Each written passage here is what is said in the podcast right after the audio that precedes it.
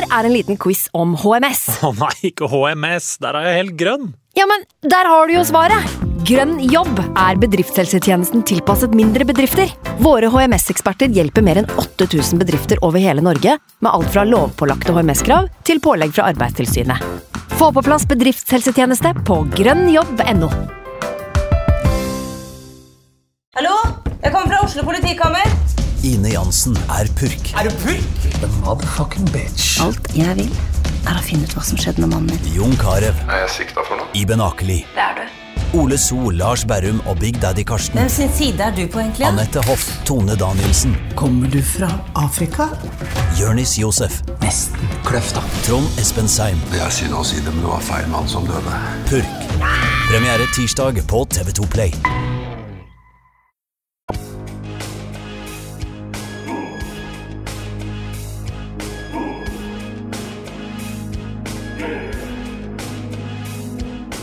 60 in there. There's 60 in there. There's 60 in there.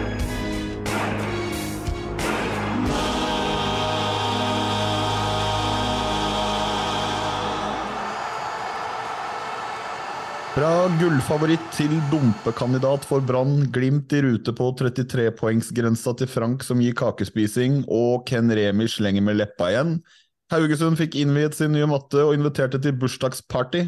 Gesten til Finne og sveisen til TLO. Dette og mye, mye mer når vi i Den 69. mann er klare til å komme i øret ditt etter runde to. Nå kjører vi!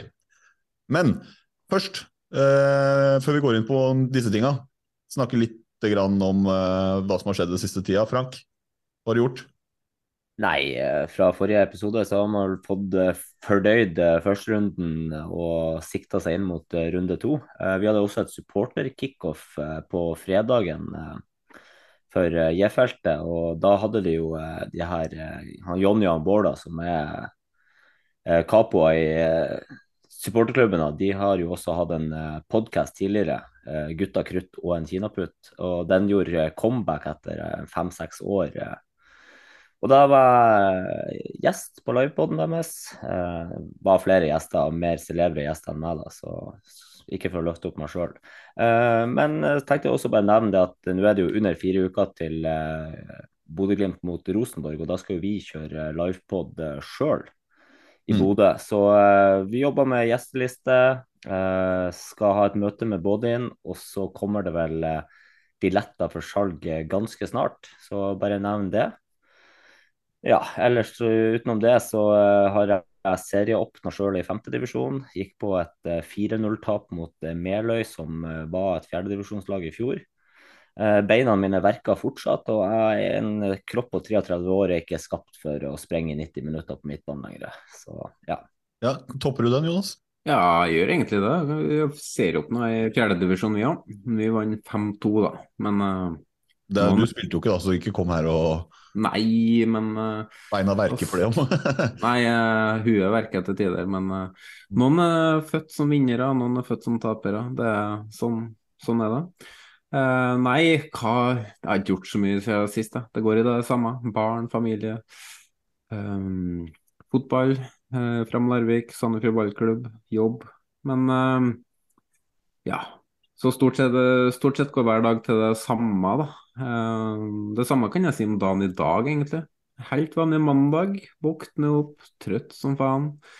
Vekke ungene, pusse tennene deres, lufte bikkja, kjøre i barnehagen. Ikke noe spesielt med banen i hele tatt, liksom. Uh, kjører til Asker på en eh, liten jobb. Står helt stille i rushen. Um, da tenker jeg jeg kan like så greit løfte opp telefonen og se om det er noe som har skjedd, da. Å, hei! Kjæresten min har bursdag. Så um, det var en god, god start. Ble påminnet av Facebook klokka ni om at hun fyller 30 år. Men uh, Det var, det var runddag òg, ja. ja. ja. Men det skal sies at jeg kjøpte jo gave til henne i helga, sånn, altså det, og så fikk jeg litt ekstra gave i går kveld. ja men Men, det eh, teller det egentlig når du bare pakker inn deg selv?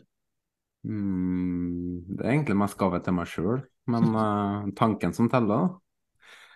Men uh, ja, nei, hun tok det fint, og da hun tar ikke så tar ikke bursdager så høytidig, men, eh, men uh, ja. Det gikk bra. Ja. Enn du da, Snorre? Nei, jeg eh, har gjort eh, litt av hvert, men det kommer vi til seinere. For jeg var på eh, bortetur på hjemmebane. Så Jeg har- gleder meg voldsomt til den historien du gleder deg til å fortelle på Ja, den. den, den bygde dere i overkant opp, men jeg skal, kan prøve å ta dere gjennom, og så kan dere vurdere om det er gøy. Jeg mener at det ikke er så sykt som dere har eh, men, det, men vi kommer tilbake til det. Du fronta den så veldig sjuk, i hvert fall når du ringte oss. Og Ja, Men du gjorde det faktisk- på prosenten deres, for dere avbrøt meg hele tida. Du så jo i kryss når du snakka med oss. Yes! men, det, eh, det gjorde du. Ja, det gjorde jeg. Så jeg, jeg nekter ikke for det. Jeg Og så, og så fikk du, og så fikk du møte Jokke Jønsson. yes, jo jo. Men jeg måtte, måtte rope på ham og rope navnet ditt for at han skulle snu seg. Ja, ikke sant? Ja, Det, så- det, går, det går fint, det. Det sånn, du, TV 2, Jonas, kjenner du han? Så Bare, du da, så bare Hva har han sagt? Neida. Men eh, nei, det, vi kommer tilbake til det. Eh, Det blir eh, mer naturlig å ta det seinere. Men hadde du noe mer, Jonas? Jeg har egentlig det. Eh, for vi har fått en sponsor. eh, Water Circles forsikring. eh, som Ja, det kan jo egentlig ta historien fra hvordan vi kom i kontakt med de, da. Ja, har du prata eh, med han derre svensken igjen nå? Nei, det var ikke det, da. Det var ikke det her gangen. Det er Brønnøysund. Det er Brønnøysund Stol litt på meg, da. Jeg skjønner at jeg misbrukte litt tillit der, men, eh, men eh, Nei, eh, det var en kar som ringte meg, skulle selge forsikring. Så tenkte jeg Hørte det med 'tjena, tjena, Jonas'. Nei, ikke gangen her. Uh, nei, det var en hyggelig samtale, da. Uh, og jeg, jo, jeg bytter jo ofte forsikringer, da, men jeg hadde egentlig bestemt meg for å holde meg der jeg er nå, for det er så mye styr med å drive og bytte. Eh, men så tenkte jeg ja, hvorfor ikke? Så jeg sa at eh, ja, det er greit, da.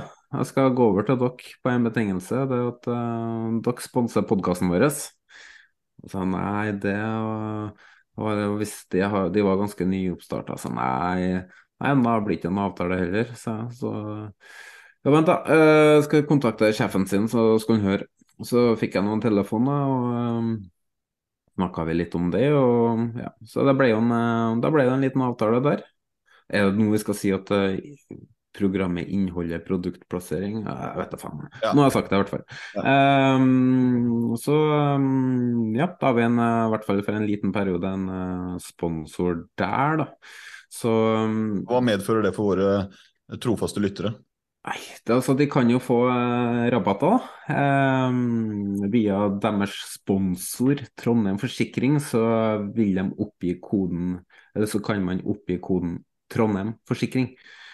Eh, få inntil eh, 60% rabatt på forsikringa via Water Circles forsikring. Eh, så um, det er bare å Vi skal legge ut et telefonnummer eh, på nett. Det er 93472 062. Og Ringer man det og oppgir eh, Trondheim Forsikring, så um, får man eh, rabatt. da. Jeg syns vi skal høre med dem om vi kan endre den koden til Tjena, Jonas. At det er de Eller, må, ha noe 69, ja, må si koden 69. Det, det skal vi få ordna. Men i hvert fall gjør det nå, da. Så er det opp til 60% rabatt. Og jeg kan jo si at eh, jeg hadde jo Jeg er jo forsikra for alt. Altså, jeg har jo to barneforsikringer, jeg har to biler, jeg har hus, eh, reiseforsikring, bikkje. Stinker snikskryt her. Mm. Nei, men eh, det, det er jo det du, alle forsikringene du må ha, da. Eh, som banken sier jeg må ha. Men det har jeg. Og det er jo, det er jo dyrt, da. Jeg har betalt ganske mye måned der jeg var. Og etter at jeg gikk over til de, så har jeg gått fra å betale 5200 til 4000 i måneden. Og har så å si samme dekningsgrad. Da. Så jeg har jo spart veldig mye på mm. Og så kan man si til alle, alle som eh, velger å prøve, og hvis man får noen klager, så er det bare å ta det direkte med Jonas. Han, Ja, det er min. Jeg tar, jeg tar ansvaret, rett og slett. han svarer når som helst på døgnet, det er Mm. bare å ringe. Kom på døra, for all del. Ja, ja. Ja. Eh, nei da, men jeg, jeg hadde i hvert fall spart penger på å gå over til de. Og så, um, og så har jo de dumma seg ut da, når, jeg, når de skulle si opp mine gamle forsikringer. For de hadde jo ikke De hadde jo oppgitt feil navn når de skulle si opp den ene bilforsikringa. Og da ble jeg trukket to måneder, for jeg fulgte jo ikke med. Og da får jeg telefon fra de om at uh, det her ordner vi opp i, de pengene får de refundert. Og i tillegg så gir vi deg rabatt på alle forsikringene du har fra før. Så jeg kjente jo på at de dreit seg ut, da. så, så, det har vært ryddig, det der.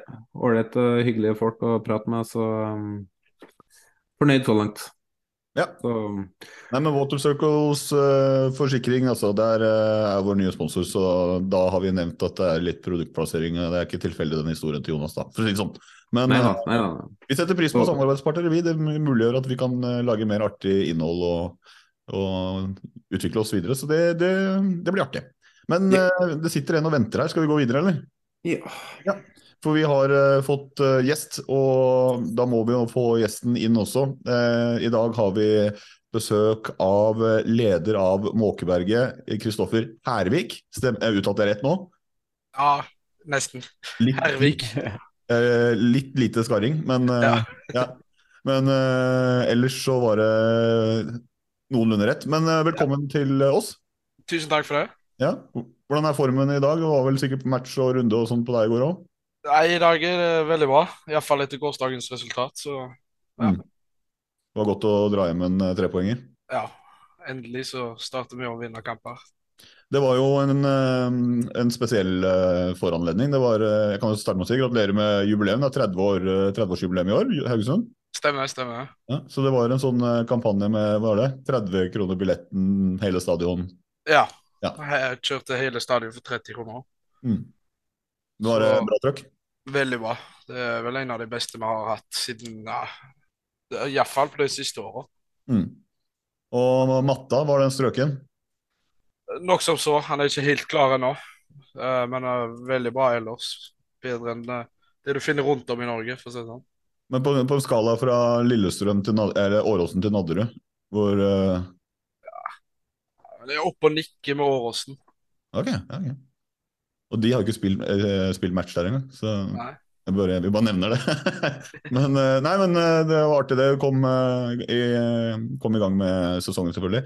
Hvordan, si, hvordan er ståa i, i og rundt klubben i ditt hjerte nå, og supporter, supporterlivet? Er det, hvordan er optimisme, eksempel? Nei, jeg tror det er egentlig ganske todelt optimist. Jeg er jo ganske optimist i år, men du har de som tror vi skal være nede i sumpa i år igjen. Mm. Uh, men sånn som jeg ser det, så klarer jeg ikke å se det. For vi har egentlig forsterket oss fra fjoråret. Greit, vi mista Kristus, men uh, vi har bred tropp, eller bred midtbane, for å si det sånn. Mm. Uh, og så fikk vi inn han Oskar Krusnell fra, Dan nei, fra Sverige. Og han er egentlig, vil jeg si, overgår Tore, da, tror jeg. Og, men det er todelt da, i supportermiljøet. Noen som er, ikke tør å håpe, rett og slett. Ja. Ja. Vi har jo vel eh, spådd eh, Haugesund eh, til å starte litt eh, trått, og at det skulle bli bedre og bedre utover. Det var vel vår eh, tanke. Men eh, ble jo en trepoenger i går, da. Da er man jo i gang med å sanke poeng. Det er jo viktig, det. Ja, så aldeles. Eh, nå har vi jo tøffe kamper fremover nå. Eh, egentlig. Mm. Stabæk borte nå på den matta de har der. Og, ja. Nei, men eh, vi får nå bare se eh, hvordan eh, optimismen utvikler seg. Men vi får se også om vi har eh, rett, da. Men eh, du er i hvert fall optimist og har uh, ståltro på årets sesong. ja, jeg har sagt topp fire jeg før, eh, før sesongen. Så. Mm. Skal Den er- den er det, det, det må jo nevnes da at eh, Haug hadde de den yngste troppen i fjor. Stemmer. Det var det Rosenborg nest yngst, tror jeg, og så hadde Haugesund den yngste. Så det er jo det vi begrunner med at eh, vi tror at Haugesund eh, blir bra utover, da, at de tar, eh, tar litt steg. Og nå har de jo allerede åpna bedre enn de gjorde i fjor, så Skal ikke så til det, da. Og så var det vel, eh, Jonas, du eh, på forrige episodes One to Watch, så nevnte du uh, Sorry Diara, du. ja, jeg Ja, har han litt fikk seg en straffeskåring, så da var han i gang. Vil du si at du levde opp til uh, ditt tips da, Jonas? Ja, jeg vil jo si det. da. Altså, noe var straffeskåring, men det var veldig kald eh, straffe da, han eh, satt inn. Men jeg, jeg, jeg synes det er noe spennende med han. Og det er jo litt eh, eh, afrikaner, spiss, FKH. De har jo eh, Wadji og Badou, så har hatt de tidligere. Så det, ja, eh, jeg har litt trua på han. Jeg liker det jeg ser. En spiller som eh, Uh, virker å være relasjonelt grei, og ting, kan skape ting på egen hånd. Og uh, virker fysisk robust òg. Så det litt sånn tendenser mot Brann, og så det i treningskampen mot Rosenborg. At uh, jeg tror han tilføyer litt mer enn Søderlund. da. Ja, Vi kan egentlig bare gå over til uh, kampen som uh, du var på selv i går.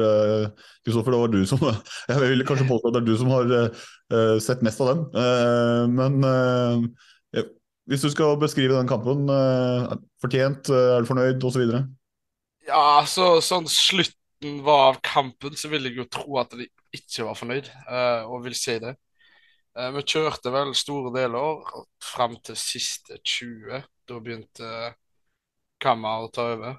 Uh, og så fikk de den 2-1-skåringa, og så skårer vi rett etterpå, og så er det full baluba på slutten der, da. Mm. Ble det litt hårdt på tampen? Ja. Så jeg hadde tatt altså Det var nærmest U, for å si det sånn. Okay. Ja. Det var jo helt galskap de siste fem minuttene der. Ja, tok helt av. Altså, det var jo, altså, du pakka jo alt som skal skje i en fotballkamp nesten inn i de siste fem minuttene. Det var jo frem og tilbake og fullstendig dramatikk. Deilig, da. Men det er ekstra deilig å stikke av gårde med full potta. Ja. Det du får sånne Hawaii-avslutninger. Ja. Mm.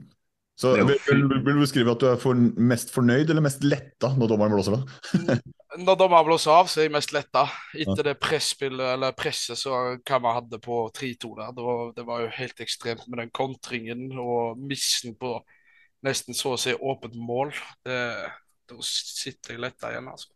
Jeg, nå vet ikke jeg hvem som bomma, men eh, det kan Kirkevold som eh, hadde den ja, avslutninga som keeperen redda. Men det her er jo, det kan jo bli utslagsgivende for HamKam og det der. da. Nå fikk de jo tre ufattelig viktige poeng første kamp mot Sandefjord, som er en eh, motstander de kanskje skal kjempe ned der med eh, for å overleve. Og så er de så nære å få ett ufattelig viktig poeng eh, borte mot Haugesund. og det kan bli utslagsgivende, en sånn miss uh, når sesongen er over. Men um, det, er jo, det, er jo, litt det du får med et ungt lag som Haugesund òg, da. For du skal jo ikke bli kontra på på overtid og overtida når du leder kampen 3-2 på hjemmebane. Det skal ikke være lov. Leder jo 3-1 også før de slipper inn der ene. Så det, de har jo Altså, de skåra vel 3-1-målet i 88., 89., i hvert fall rett for slutt. og da, da, skal du bare klare å kontrollere det inn. Og så er det jo nesten tidenes snubbel, rett og slett. Men, uh, det er sånn Rosenborg og Glimt-mentalitet. Man skal klare. Man skal klare. Jeg har ikke noen forståelse for at man kan være litt uh... Nei, men det, du, du, skal jo ikke bli kontra på når du leder 3-2 og det er på over overtida. Det, da skal du være overtall bak. Jeg syns man kan gjøre det innimellom. Jeg synes det er det er gøy for nøytrale seere. Så kommer du med Vålerenga-mentaliteten din. Altså, jeg veier opp, men så sitter det der på deres høye hest. Så jeg slår et slag for folk som ikke har skjønt, uh, lag som ikke har skjønt det. Viktig å lage underholdning for nøytrale, er det det du Ja, men altså, vi må tenke produktet, gutter. Produktet. Vi må løfte produktet. Så Nei, men uh, Kamma, da. Er det noe Hva syns du, Kristoffer? Er, de, er de så klink nedrykk som de har blitt fremstilt av eksperter og sånn? Ja, det vil jeg si. Det gjør de gode. Vi spiller de jækla gode der. De, på 20 der. De, de, de, har ikke mye å komme med. Dere slipper dem egentlig inn i kampen òg med ja. keepertabbe?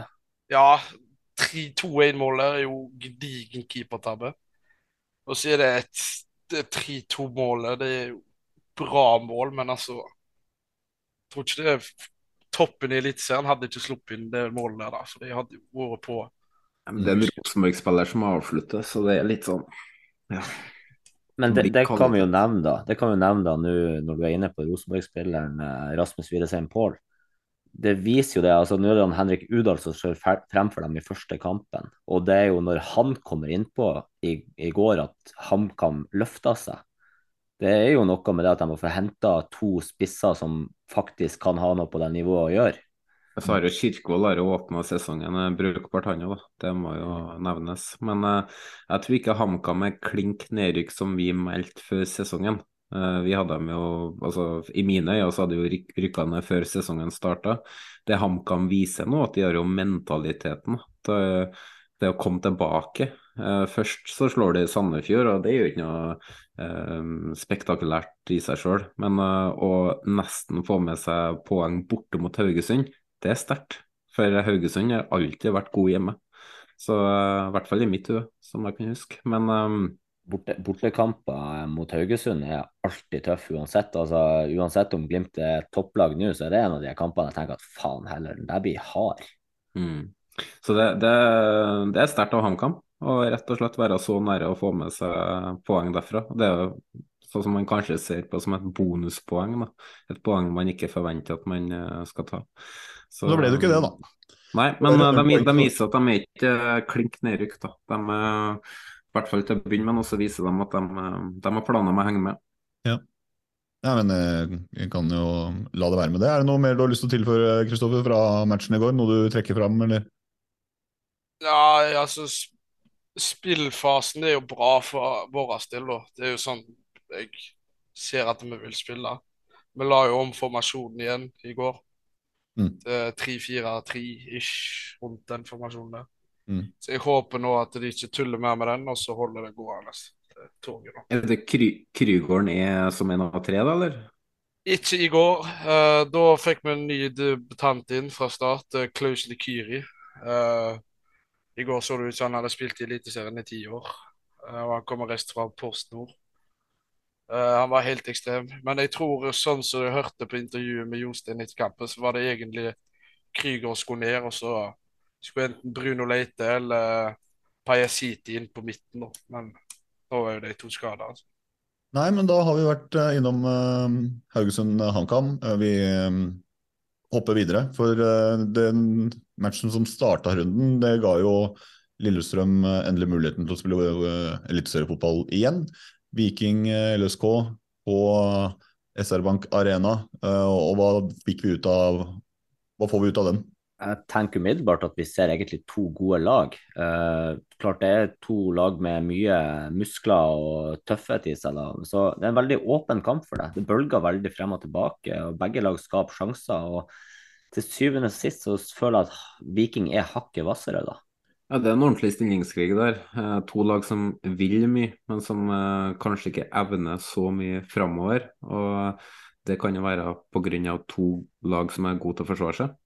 Uh, Viking har jo sett bra ut bakover på banen. Uh, de gjorde det jo på Lerkendal, og jeg synes de så altså med Brekkalo og Stensnes bak der var jo bånnsolid.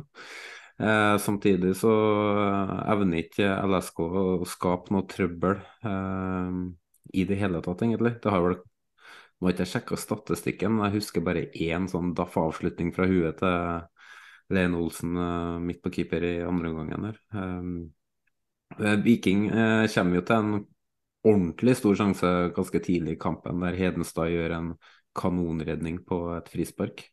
Ellers er det veldig lite som skjer, veldig mye ta og føle på hverandre. Men eh, det virka, vi snakka jo litt under kampen, og det virka jo som at Viking ville det mest. da, At det, det var litt mer trøkk framover når Viking angrep enn når, eh, når eh, LSK gjorde det. Eh, så det var jo en sånn typisk kamp der første målet vinner. Og så tar Vikinga sett inn på Sondre Bjørsol og Diagostino i det 65. minutt, og ti minutter senere så er det faktisk Bjørsol som setter inn 1-0 etter assist fra Diagostino, eh, som er våken og snapper opp en ball i boks.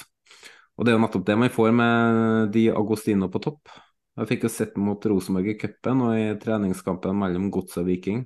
Eh, når han spiller, så får ikke forsvarsspillerne fred utpå der. Og eh, han kan på mange måter minne litt om Berisha, faktisk. Nei, altså Jeg sitter igjen med egentlig litt inntrykket av at uh, man har snakka om Lillestrøm som uh, liksom klink topp fire. Skal være med og kjempe om medaljer osv. Jeg følte at de har nå vært på Eller jeg tenker at de har liksom vært på at ting har blitt bedre og bedre siden de rykka opp. styrka seg, styrka seg, Men jeg syns det var synlig da at de var mindre robuste med tanke på eh, Ogbu og Matthew ut, og at det kanskje kan ta litt tid å få den soliditeten tilbake. Jeg syns de virka rett og slett mer sårbare eh, bakover. Eh, og den nye formasjonsendringen til å spille med to spisser virka ikke som at eh, altså De fikk ikke Thomas Lene Olsen ordentlig i gang i den matchen. Eh, og da sitter du plutselig lite igjen for den endringen, når du kanskje kunne spilt eh, 3-4-3 eller sånne ting i stedet. Men eh, ja, nei, eh, det er én kamp, da, så det er ikke sånn, jeg skal ikke legge for mye i det. Men eh, jeg syns de kanskje så litt mer sårbare ut, i hvert fall. Jonas sier jo noe eh, riktig når han sier innstillinga. Uh, Viking har den innstillinga som, uh, som, kanskje var hakket mindre hos Lillestrøm, da. Uh, jeg føler at Viking vinner den midtbanekampen, og det blir, det blir store rom for Viking å, å, bevege seg på midtbanen. Jasbek er jo et funn for Viking. leverer en enorm kamp og er kanskje banens beste spiller. ved sida av de stopperne til Viking som også er knallgod. Brekolo er en leder og spiller nok ikke i Viking lenger enn til sommeren. Uh, og så er det det savnet av Matthew, spesielt jeg ser hos uh, Lillestrøm i denne kampen. her. Uh, Hoff er jo henta inn, men han starta jo ikke. så det er mm. noe å jobbe med her for Lillestrøm. Men jeg skal nå se denne kampen mot Godset òg, før jeg liksom Og kanskje også mot Molde neste helg, før jeg skal ja, vi skal ikke avskrive riktig ennå, det, liksom, det, blir litt tidlig. Hva, hva tenker du, Kristoffer? Så du den Viking-LSK-matchen, eller?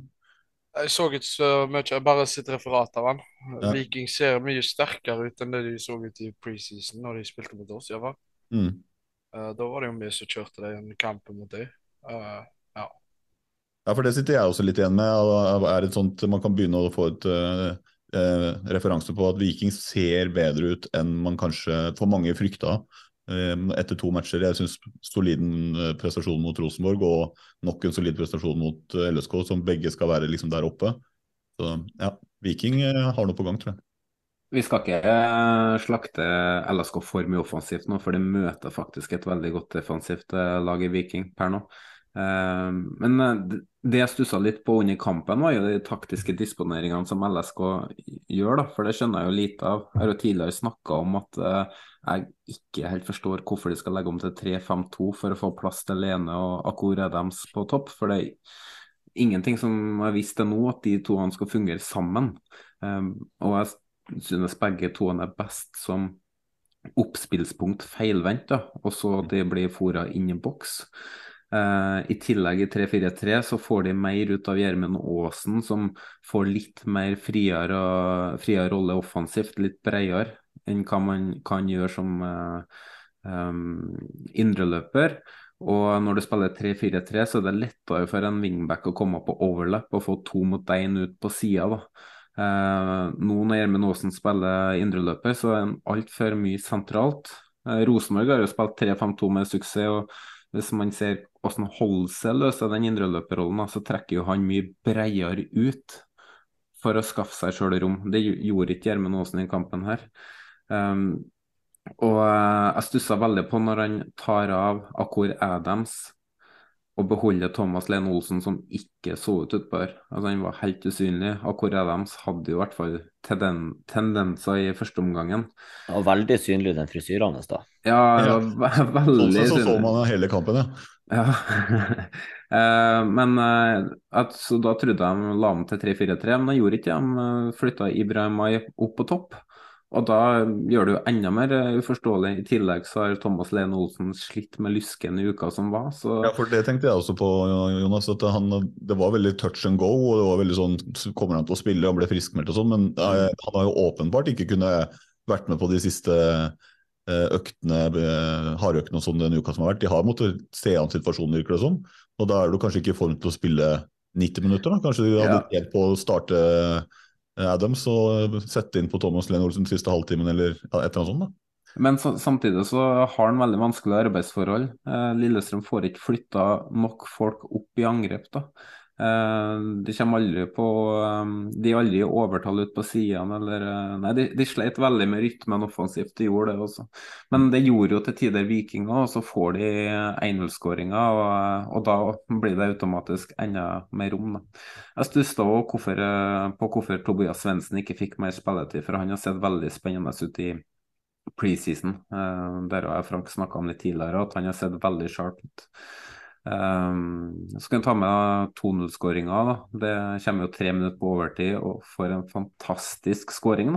Mm. Det er jo uh, Det er rett og slett fire pasninger som går på ett touch, før Diagostino igjen spiller Jarsbekk alene med keeper som setter en bra mål. Det var jo klasseskåring, rett og slett. Så Viking ser veldig bra ut. Lillestrøm må få litt mer tid før vi dømmer dem, men for et kampprogram Lillestrøm har foran seg nå. Ja, jeg så det var noen som skrev nettopp det, at uh, man kan risikere å stå med null poeng og vi teller utgangen av mai uh, hvis man ryker på tap mot uh, Godset f.eks. på hjemme. For det er såpass tøft det er det. Så Ikke at jeg tror det skjer, men uh, det ble nevnt. da, At det er plutselig et scenario man kanskje ikke hadde sett for seg borte i Lillestrøm før sesongen starta. Jeg ser at du er litt kåt nå.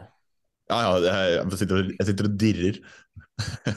Nei, men vi får se. Jeg gleder meg egentlig mest til den kampen som kommer til uka. Ja. For da får man noe mer svar, men så får vi også temperatur, tror jeg. Så det blir bra. Vi eh, må se på Altså, det har jo blitt streik, og det gjør at man kan gå tom for brus og øl, og da orka ikke Brann noe mer. Da var de ferdige, fordi da var det, ikke, det var ikke noe gulløl å drikke. Så da bare la de seg ned for å dø, og tapte 2-0. Enkelt og greit. Jeg tror, ikke, jeg tror ikke de la seg ned for å dø, for dæven hva sjanser Brann egentlig hadde til å skåre på. Ikke, ødelegge, ikke ødelegge en god intro. nei, nei. men, men altså at Brann står med null mål i den kampen der altså det, Odd skaper også mye og skårer to fine mål, men at Brann bommer på de sjansene de gjør, det, jeg, jeg fatter det fortsatt ikke. Ja, jeg, nå er de nedrykksfavoritter. Enkelt og greit. Det, men det er jo litt sånn det foregår der. at De vant en match, eh, byen snudde på hudet, og så taper de. Da må vi bare snu det helt opp. De har ikke noe mellomting. De må kjøre litt sånn bipolar brannsupportermentalitet her. Landet sorg der borte. Ja, men det var kanskje ikke det som eh, var eh, den store snakkisen fra matchen, alle brente sjansene? Nei, du tenker, du tenker sikkert på den omvendte Peter Kovartsen. Ja, kan ikke du ta oss gjennom den da, Frank? Nei, Det er jo da en uh, løpsduell med Solholm Johansen. Uh, er vel litt foran av Bård Finne, og så plutselig røkker det til, og han får vel en uh, strekk. Og Bård Finne kommer jo forbi, men han ser jo det at her er spilleren blitt skadd. Så han Bård Finne han er fair nok i det her. Han kunne tatt med seg ballen og gått én mot én med keeper. I stedet så sparka han ballen ut av spill. Så det er jo altså hatten av alt for Bård Finne. Det, det er stor idrett det han gjør der, rett og slett. Og så hører man jo et intervju etter kampen fra en eh, Sivert Heltner Nilsen som han, han, sier at det er greit, men uh, man antyder at han kanskje hadde valgt å gjøre noe annet. Det så, det så du på han, da. Mm, det lyste jævelskap ut av han. Jævla Bård, satt han og tenkte. Hvis jeg spør dere, da, Kristoffer, hva hadde du gjort hvis du hadde vært i den situasjonen? Oi, der er jeg todelt. Uh, det spørs om kampen og resultatet, vil jeg si. Jeg tror jeg hadde sprunget på 0-0. Ja, det her er vel 0-0 eh, etter 20 ja. minutter ca. Så jeg tror jeg hadde ikke stoppet opp, for å si det sånn. Mm. Ja, Jonas, du hadde klinka den ballen i nota. Det, du tar så feil, vet du. Jeg hadde, stopp, jeg hadde faktisk eh, stoppa opp. Også. Jo, Jonas har ikke ferdigheter til det. Nei, det er sant. Jonas hadde gått eh, og så brent sjansen. jeg, kan være en, jeg, kan være en, jeg kan være en hestkuk, men på banen der var jeg fair, rett og slett. Litt for snill, kanskje. Alle drittsekker på banen sier det. Jeg spiller fair, men hardt. Nei, jeg er drittsekk utenfor, jeg. Mm. Nei, men, men jeg, du eh, hadde tatt den sjansen, men du hadde bomma. Det er det. Ja, ja, ja. ja. selvfølgelig. Ja, det er klart. Frank, hadde du, hadde du gått? Ja. Ja. jeg, eh, jeg, hadde selvfølgelig ikke gjort det. Jeg, jo, jeg, er jo så fair, vet du. Jeg er så fair, jeg. Så jeg hadde jo ikke tatt den. Men, men, for å ta litt fra kampen, da. Ingen av oss, ingen av oss har jo sett kampen. Men jeg snakka med Vi kan breake den. Da. Neste ukes gjest er jo Tor Henrik Stensland, en eh, journalist fra, fra eh, Varden. Eh, sportsjournalist. Han dekker Odd. Han vet egentlig mer om Odd enn hva klubben gjør sjøl. Uh, han forteller at uh, Brann styrte det meste, hadde mye ball. Odd lå kompakt med fem bak og forsvarte seg godt. Brann kom til noen svære muligheter, men man fikk liksom aldri følelsen av at um, det skulle, skulle ende opp i skåring. Så stor kred til Paco som traff godt med kampplanen mot verdens beste lag, som Odds daglige leder Einar Håndlykken kalte dem. Um, og det er jo noen fine mål der, da, litt sånn klassiske uh, Odd-skåringer. For uh, i hvert fall fra Fagermo-tida, som man ikke får se i Vålerenga. Det er jo Odd som eh, spiller ball i lengderetning. Indreløper spiller ut til høyrekant, som svinger ballen inn på bakre. Og så, ja. heading eh, bak en eh, Holmen Johansen som feilberegner. Redning på strek av Seri Larsen, og så mål på returen. Og 2-0-målet kommer etter en veldig fin kontring. Og så um, Odd spiller Odd-fotball med Paco-stil, hvis det går an å si. Det, det, som slo meg når jeg så høydepunktene fra matchen, er at de kommer med en enorm energi når de angriper.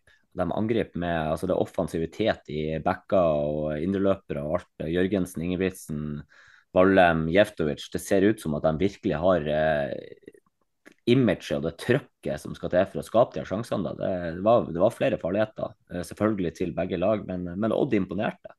Og så Ole Erik Midtskogen da, på topp, som uh, for kort tid siden spilte i Færøyene. Ble avskilta etter preseason og første seriekamp av uh, eksperter.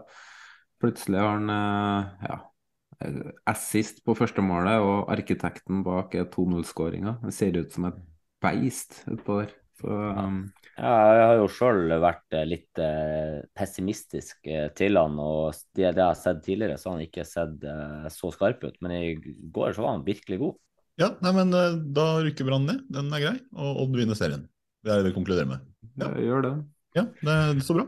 Nei, men da må vi hoppe videre til andre ting.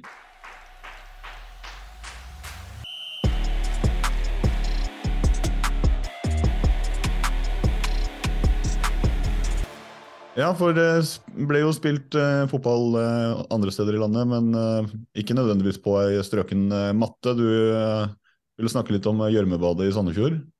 Ja. Jeg sendte rundt eh, noen meldinger for å få litt inntrykk. Da. Vi så jo fotballkveld i går for å få litt inntrykk av kampene som vi kan ta med oss i podkasten bl.a. Det var ikke så mye å se fra den kampen her, med Sandefjord mot Tromsø. Eh, så jeg sendte jo melding til Morten Killingberg eh, om han kunne oppsummere kampen. Og jeg fikk en sånn sove-emoji tilbake. Her er alt du trenger. Og så sender jeg melding til Kjetil fra Sandefjord, og fikk det samme der. Eh, glad jeg var på feltet og sang, for det gjorde det mindre kjedelig.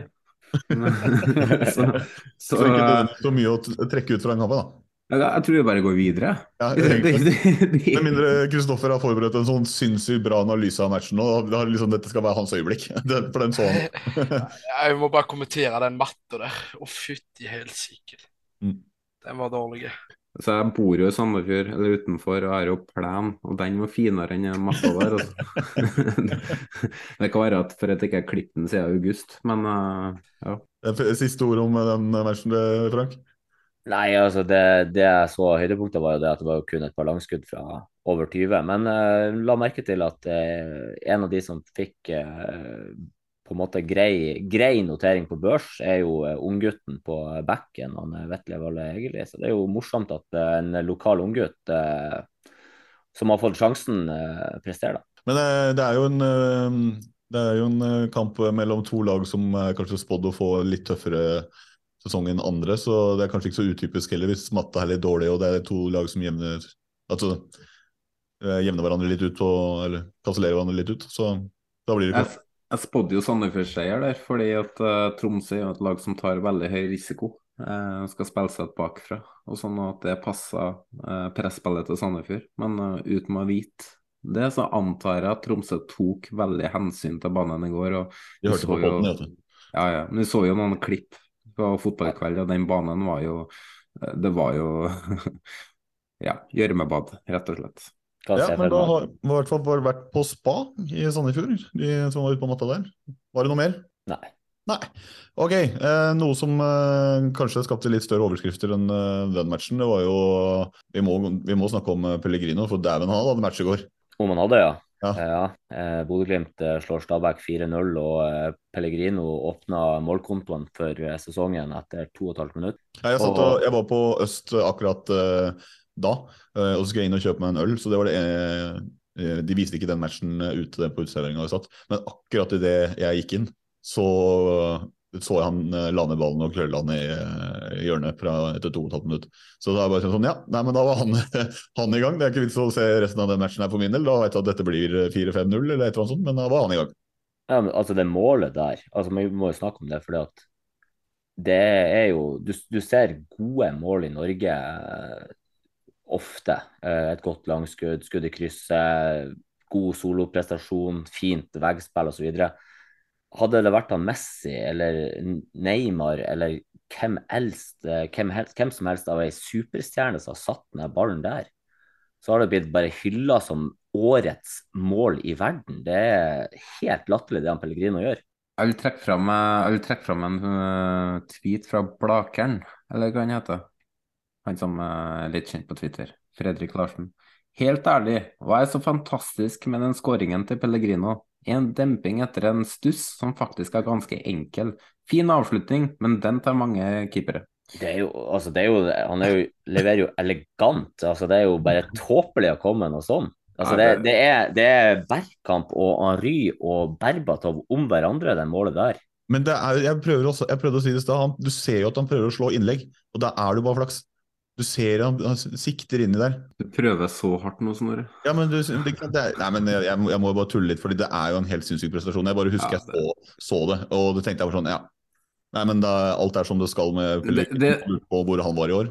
Mm. Det er sånn som du kanskje kan stå og gjøre på trening veldig ofte eh, løpet av et år, ikke sant? men du skal gjøre det i en kamp eh, med litt nerver. Med, ja, det, det, viser jo den roa han har. da. Eh, det er rett og slett uh, høy, høy klasse på det han gjør der. Også. Og det at keepere skal ta den der, da ja. En keeper som er feilplassert, kan selvfølgelig ta den. Jo... Ja, du hadde tatt den, da. Ja, ja. Herregud. Fast grep. Alle keeperne du trener, de hadde tatt den. Ja. Nei, du, så, du, så, kanskje den gålen du òg, Kristoffer, i etterkant. Du var på stadion sikkert selv da, men uh... Helt ekstremt, den skåringa der. Hvordan han legger han til og får curla oppi der. Altså, vi glemmer jo nesten å snakke om uh, det andre målet. Han hadde jo en eh, fin en til på 3-0 der også, på corneren fra Patrick Berg. Men det, det er klart den stjeler overskrifter, den uh, første der. Den gjør jo det. Uh, hvis jeg skulle gå videre på kampen her, så kan jeg jo si det at han Pellegrino, som jeg spådde i vår andre episode noensinne, så spådde jeg at Pellegrino ble årets første hat trick-skårer, og at det kom til å komme i runde to mot Stabæk. Hang jeg meg på den? Var jeg freerider på den? Jeg tror det. Ja, altså det var jo jeg og han uh, Rune Edvardsen, uh, vikingsporteren, som uh, meldte Pellegrino. Uh, mens ja, jeg meldte jeg meg ikke på den. Du var jo på, på Udal, da? Jeg var på Udal. Jeg var, Men det, ble, du, hadde Udal første, du hadde Udal første runde, og faen så nærme du var. Mm. han hadde jo en uh, tilbakespiller som han snappa opp der, så han skulle jo egentlig ha tre mål. Ja, jeg rana, det er det jeg er. Ja. Mm. Du traff ikke på den da, Frank? Du gjorde det. Så. Gjorde det. Men ja, Pellegrino, skal vi gå gjennom resten av kampen her, så er jo Pellegrino han, han bomma jo på et straffespark. Glimt får jo straffespark etter seks-sju minutter. Eh, riktig avgjørelse. En Vuka blir tatt, og de her kvikke beina hans de er det mange som sliter med å følge. Eh, Pelle, Pelle setter en god, eh, god strafferedning. Pelle setter returen sjøl da. Eh, men det er jo det 4-0-målet hans, som du også nevner, Snorre. Det er jo et latterlig godt mål. Mm. Men hva... Det, det, å, det å køle ja. ballen ifra holdet der og gjøre det så utagbart, det er høy, høy klasse, det også. Men, men hva i helvete er det Stabæk sitt forsvar tenker med? Det tenkte jeg også. Du, det, det var, jeg sto på feltet og jeg, jeg feira ikke målet. Jeg sto og flirte. Jeg sto bare sånn Hva i helvete er det Stabæk sitt forsvar tenker med når de lar en Pellegrino motta ballen på hjørnet av 16, vende seg om, og han får, jo, han får jo tre sekunder på å bare sikte inn og skyte. Mm. Det er jo altså det, det er imot. Det er forsvarsspill til stryk, akkurat det målet der. Og samtidig som at målet er latterlig bra, så du skal ikke ta fram Pellegrino noe som helst, for det er latterlig bra. Men Stabæk sitt forsvarsspill akkurat der, katastrofe. Det er mulig å gi han kortere tid på hjørnet der. Det, det går nok på avtaler man gjør på dødballer defensivt. Og så blir man usikker hvem skal ut og støte. For han og han og han har sone, og de treene der har kanskje, kanskje mannsmarkering, og så blir man usikker. Men, så... men, men, Jonas, nevn meg én fot i Norge som gjør det der bedre enn Pellegrino. Nei, det, fra det holdet der, så er det jo er det ikke mange, det, da. Nettopp, nettopp. Og hvis du er forsvarsspiller på det nivået her, da må du forstå at akkurat det der kan du ikke tillate. Ja, forsvarsspiller, angrepsspiller. Det, så det er jo mest sannsynlig 10-11 stykker i egen boks. Altså, noen må ut. Og det, det, er rart at ikke de har avtaler på hvem som har ja, eh, ja, bo, Bohin er forvirra. Søring, Nording, vet du. Det er ikke... Ja, det er det. De er han, var, han, visste ikke eh, hvordan han skulle få det være oppe i Bodø. Han savna Nadderud. Ja, Kampplanen røyk rett ut av vinduet når han tok et drag med den der sjølufta fra Bodø. Så da ble han helt forvirra, så da røyk alle sånne taktiske grep.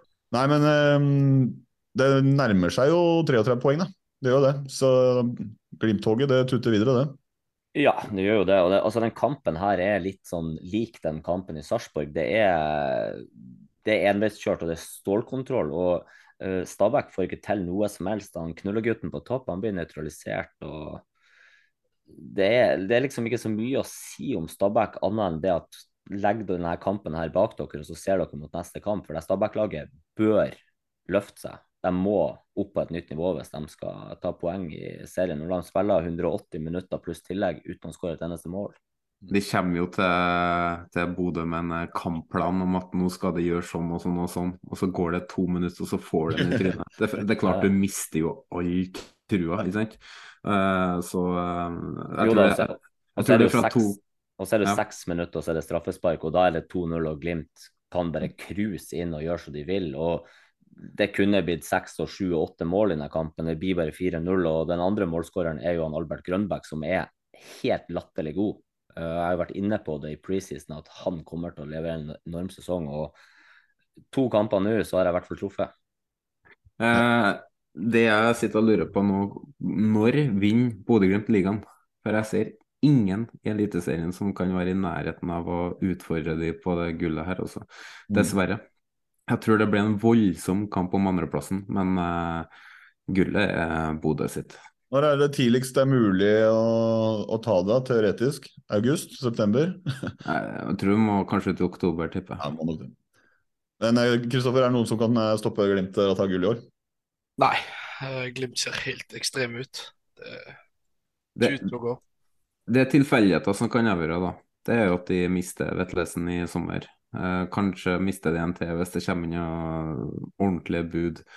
Mvuka skal forsvinne. Muvaka. Eh, Muvaka skal forsvinne. Vi må si det, Muvaka.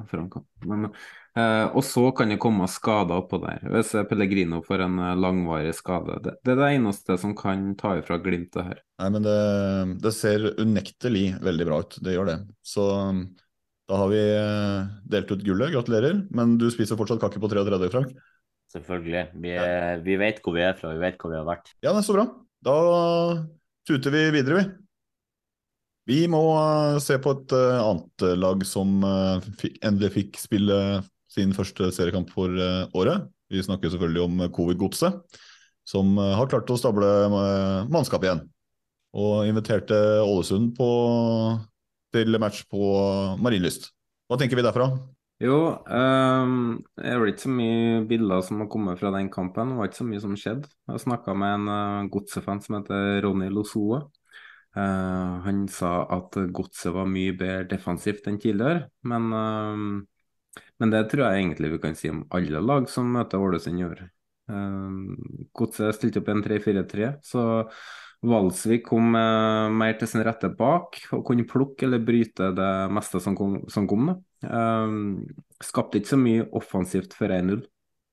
Etter at Valsvik sendte i ledelsen, så hadde de én til to sjanser til å øke ledelsen. Og så hadde Ålesund et uh, ja, godt skudd utenfor 16-meter, hvor Myra gjør veldig mye ut av redninga. Så det var det jeg klarte å få ut av den kampen. Så um, at godset, godse er et spennende lag i år. Mye, mye fart og kraft på topp der. Eh, sliter med spillere som har vært litt ineffektive i treningskampene, som Braut Brunes, kanskje.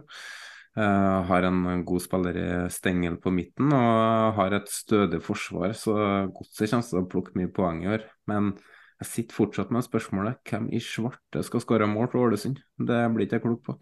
Nei, um, Ålesund um kunne jo ikke starta noe særlig dårligere resultatmessig. De to strake de er jo meldt seg på nedi der med en gang, men uh, fortsatt ikke skåra. Null skåra mål og sluppet inn to på to kamper, og så er det Glimt som kommer i neste runde. Jeg husker jeg sa det også i, i, når vi tok tabelltipset. Så nevnte jeg det at uh, man snakker om at det, liksom, det blir lite mål i kampene der, men de har jo sluppet inn da, i nesten hver eneste treningsmatch. Og når de da ikke skårer, og drar med seg den trenden inn, så blir det ofte null poeng. da. Men de, har sluppet inn mål, men de slipper jo ikke til så mye målsjanser. da. Og, ja, nei, men, men, hvis du ender opp med å slippe inn for det òg, liksom, ja, så, så hadde, de hadde litt uh, marginer mot da, mot uh, Vålerenga, uh, med skuddet som Sjøeng slår i stolpen, annet. Da hadde de jo kunnet lede 1-0, men det var vel stort sett det de hadde i kampen. Men, men alle har jo marginer imot, sant? på et eller annet tidspunkt. Jo, ja. Det kunne vært det dersom at det, Men hvis du ser på trenden, så har man snakka om at det, liksom, det, skal bli vanskelig å score på Ålesund. Men det har jo tydeligvis ikke vært så vanskelig, fordi nesten alle har gjort det i alle kampene i 2022. Du, Margina gjør det deg fortjent til, da. Så mm. det har de ikke klart å gjort. Så um, jeg så han Grytebust-fan på uh, Twitter etterlyste redninga fra keeperen sin òg. Eh, men eh, nei, det er noe tannløst og kjedelig med det Ålesund-laget der. Altså. Jeg blir eh, jeg, jeg ser, altså, Her nå så ser det ut som den svakeste, det svakeste laget i Eliteserien, og de har møtt Vålerenga hjemme og Godset borte. Ikke at de er favoritter borte mot Godset, men det er klart at de kan ikke stå igjen med null poeng i sånn type kamper. Hva tenker du, Kristoffer? Er, er, du redd for Ålesund i år? Nei, det blir det jeg aldeles ikke. Ikke når jeg ser hva de henter. Han eh, gamle spilleren vår og han starter Alexander Stølås. Mm. Da er det ikke noe å skrive hjem om. Så du tenker ned med dem? ja. ja. Nei, men eh, vi eh, kan i hvert fall gratulere Jørgen Isnes med en, en fin debut. da. Tok, har tatt sin første trepoenger i Eliteserien som eliteserietrener. Og det er vel sikkert den starten man håpa på der borte òg. Komme igjen tre, tre poeng, og så damer seg det inn i kampen mot LSK. Da. Det blir spennende å se der hva de hoster opp. Ja, Det tror jeg også. og klart Det å bare starte med tre poeng, selv om at det er en veldig usjarmerende 1-0-seier mot et uh, lag som produserer lite mot deg, så er det, det altså Poengene tar like mye uansett. Og så er det jo hva kan eh, Godset vise nå på onsdag mot Lillestrøm? Hva kan de vise neste helg? Mm. Uh, jeg har jo trua på Nisnes som trener, og er veldig spent på å se på hvordan det prosjektet her går videre. da. Mm. Jeg tipper det kanskje kan fort variere litt, uh, spesielt på vårsesongen. Men uh, han kunne jo ikke fått en bedre start enn å begynne å plukke poeng, for da får du arbeidsro. tenker Jeg Så jeg har også troa på prosjektet til Isnes bare sånn fra start. Men herregud, nå kan han jo senke skuldra litt. Går jo til Lillestrøm-kampen med senka skuldre nå. Det er mm. jo, hadde de stått med null eller ett poeng, så hadde de kanskje følt litt mer på det. Nå kan de senke skuldrene sine og tipper de kommer til å eh, dra dit, legge seg bakpå og satse på overgangsspill. Og det har de ferdigheter til å klare. Også. Så det, en, eh, det, kan bli en um... Jo mer vi snakker om det, jo mer gleder jeg meg til den kampen. fordi det, det kommer til å bli så Vi om det sist òg. Det kommer til å bli så hett pga. den der covid-greiene eh, greiene før og avlyst. Og Lillestrøm eh, føler sikkert at nå må de vinne. Og Godset tenker vi kan ta mot som du har gjort og være fornøyd med det. Eh, og det kan bli grisete. jeg gleder meg. Det, det blir, kan bli en morsom kamp for nøytral tidsgrense. Kanarifansen kommer til å lage stemning der. De kommer til å lage et helvetes liv på tribuner, det vet vi. Men jeg, jeg føler liksom at nå må Godsunionen eh, få skrapa sammen mer på bortefølget sitt. For det var vel før kampen ble utsatt, så var vel 200 bortebilletter solgt. Og nå er det jo klart, nå er det onsdag i tillegg. Det er kanskje vanskeligere å få folk på kamp, men det er jo 40-50 minutter i bil. Bare komme seg av gårde og dra på stadion og støtte laget sitt. Hjelper med 1-0-seier, da. Det gjør det jo. At de uh, har fått den uh, starten der, og at de kanskje kan hjelpe litt. Men uh, som du sier, det er onsdag, så Heller du bensin på Konsby-bollet nå? At det var derfor de utsatte kampen? De skulle få den gode starten før de dro til Åråsen? Ja, ja, ja. Jeg, tror, jeg, jeg, tror, det er Lillestrøm som ba om utsettelse. Ja. De så jo så hvor dårlig formen var mot Viking. Så de, ja, de trengte bedre treningstid. Ja, Breaking news, du hørte det her først. Det var Lillestrøm som sto bak søknaden. Så Nei, men det overrasker ikke meg, så da går, da går vi videre. Det som, nå er det bare å ståsette seg, fordi nå skal Jonas få prate om uh, den kampen han så klokka fem. Monolog yes. i 20 ja. minutter nå. Så da bare mute ja, selv. Og så, hvis du, kjære lytter, ikke har lyst til å høre på Jonas, så bare spol ja, 10-15 minutter fram i poden nå, da. Se hvor vi er. Så Jonas, take it away. Nei, det var en bra kamp. Uh, morsom kamp. Uh, intens kamp. Uh, litt å ta følge på i starten før Molde skrur opp tempo. Rosenborg sleit veldig defensivt på sin høyre side, hvor Rekdals svigersønn Kristoffer Haugen til tider imponerte og var veldig god. Og Etter seks minutter så parker han Leo Kornic, slår inn til Berisha, som bare skal breise ballen i mål, men 40 millioners mann la den utenfor. Uh, og den skal han skåre på. 35, det er fair, da. Det er fair. 37. Ja. ja. Men uh, jeg tror uansett at VAR kanskje har tatt den for offside, men uh, ikke sikker, altså. så spiser Rosenborg seg litt mer inn i kampen, kommer litt mer over i, på Moldes banehalvdel. Men da får Molde en dødball som de skårer på. og ja, ti minutter etter skåringa så er jo Molde det beste laget. Men fra 26-27 minutter så syns jeg det skjer noe i Rosenborg. da. De tør å ta tak i kula, de får flere bevegelser. De klarer å bruke en Isak Thorvaldsson på riktig måte, dvs. Si spille opp i kropp. Uh, Nelson involverte seg i større grad og kommer mer og mer inn på Moldes banehalvdel. Uh, har ferdigheter til å dra av to og tre spillere. Uh, som ender opp etter hvert en corner, da, etter at Rosenborg har en ganske brukbar målsjanse. Som eh, Nelson svinger inn, og da er det Rekdal Sigurdsson Haugen, som nikker den i eget mål etter press fra Rogers. Eh, Molde kanskje eh, best mot slutten av omgangen og totalt sett det beste laget i første omgang. Men i andre omgang så tar Rosenborg mye mer over. Har mye mer ro med ball i frispillinga bakfra. Noe som de har jobba mye med i vinter. Børke og Henriksen er trygge på midtbanen. Henriksen leverer en uh, ordentlig god kamp. Uh, men da sliter jeg med å involvere de på topp. da. Og så får man en ny giv da når Broholm kommer innpå. Da skjer det ting. Uh, og Rosenborg kommer til flere I expected goal så telles det jo ikke, for det kommer jo til to store målsjanser som blir blokkert, hvor det mest sannsynlig har endt opp i scoring. Um, men ehm, ja, Rosenborg leverer en eh, god andreomgang med to offensivt gode backer. Ehm, Molde bytter seg litt ned når de tar av sine backer. Og eh, Molde leverer egentlig en eh, svak andreomgang. Og siste ti minuttene, det er da underholdninga starter. Da er det ordentlig shithousery på det med Kornik og Pereira og Reitan som driver og kaster spillere ned i bakken. og Uh, ja, det ordentlig, uh, ordentlig um, hatoppgjør, rett og slett. Så um, det, det, der uh, sparkforsøket fra Kornic, mm. kan dommeren ta det, egentlig? Nei, han sparker jo ikke. Han trekker jo seg. Han sparker, og så trekker han foten i det. Det er jo et sparkeforsøk, så trekker han seg i siste liten. Men ja, kan dommeren ikke... ta det? Nei, for han hadde ikke truffet han, for han stopper sparket. Jo, men altså, hensikten i handlinga er jo til stede. Ja, man fullfører det jo ikke, så da er det ikke noe, det er ikke noe forseelse. Altså, det er jo i spill. Fyren blir jo skremt sånn snubler over henne. Ja, må slutte å være så pysete. ja, det saklige argumentet, slutt å være så pysete. Det er... blir litt mer mann, herregud. Men ett minutt etterpå så tar Kornik 30 meter høyere opp i bakken og tar ordentlig tak i samme person og slenger den i bakken. Så det var nydelig å se på. Eh, men jeg syns Rosenborg framstår som en enhet. da. Det spillere, viser at det er spillere som trekker i samme retning, i motsetning til et lag vi skal snakke om litt senere. Snorre. Det er spillere som jobber for hverandre, som blør for hverandre og går i krigen for hverandre. Så Som supporter er jo det nydelig å se på. Og Før sesongen så var det å snakke om at de måtte få orden på det defensive fundamentet og bli, mer, og få, bli litt mer kynisk da, når kampbildet tilsier det. Og det viser det jo at de absolutt klarer.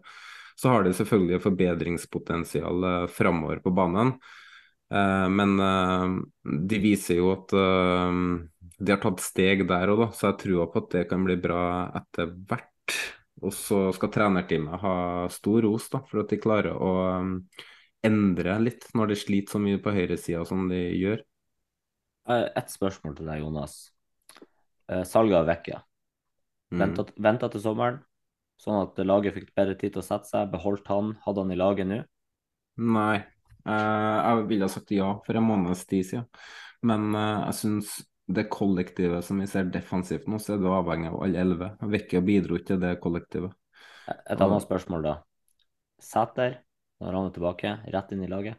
Nei. Nei. Eh, så... Det er jo ikke noe tvil om at de to er, det er mer kvalitet i de to spillerne enn hva det dere har oppe nå.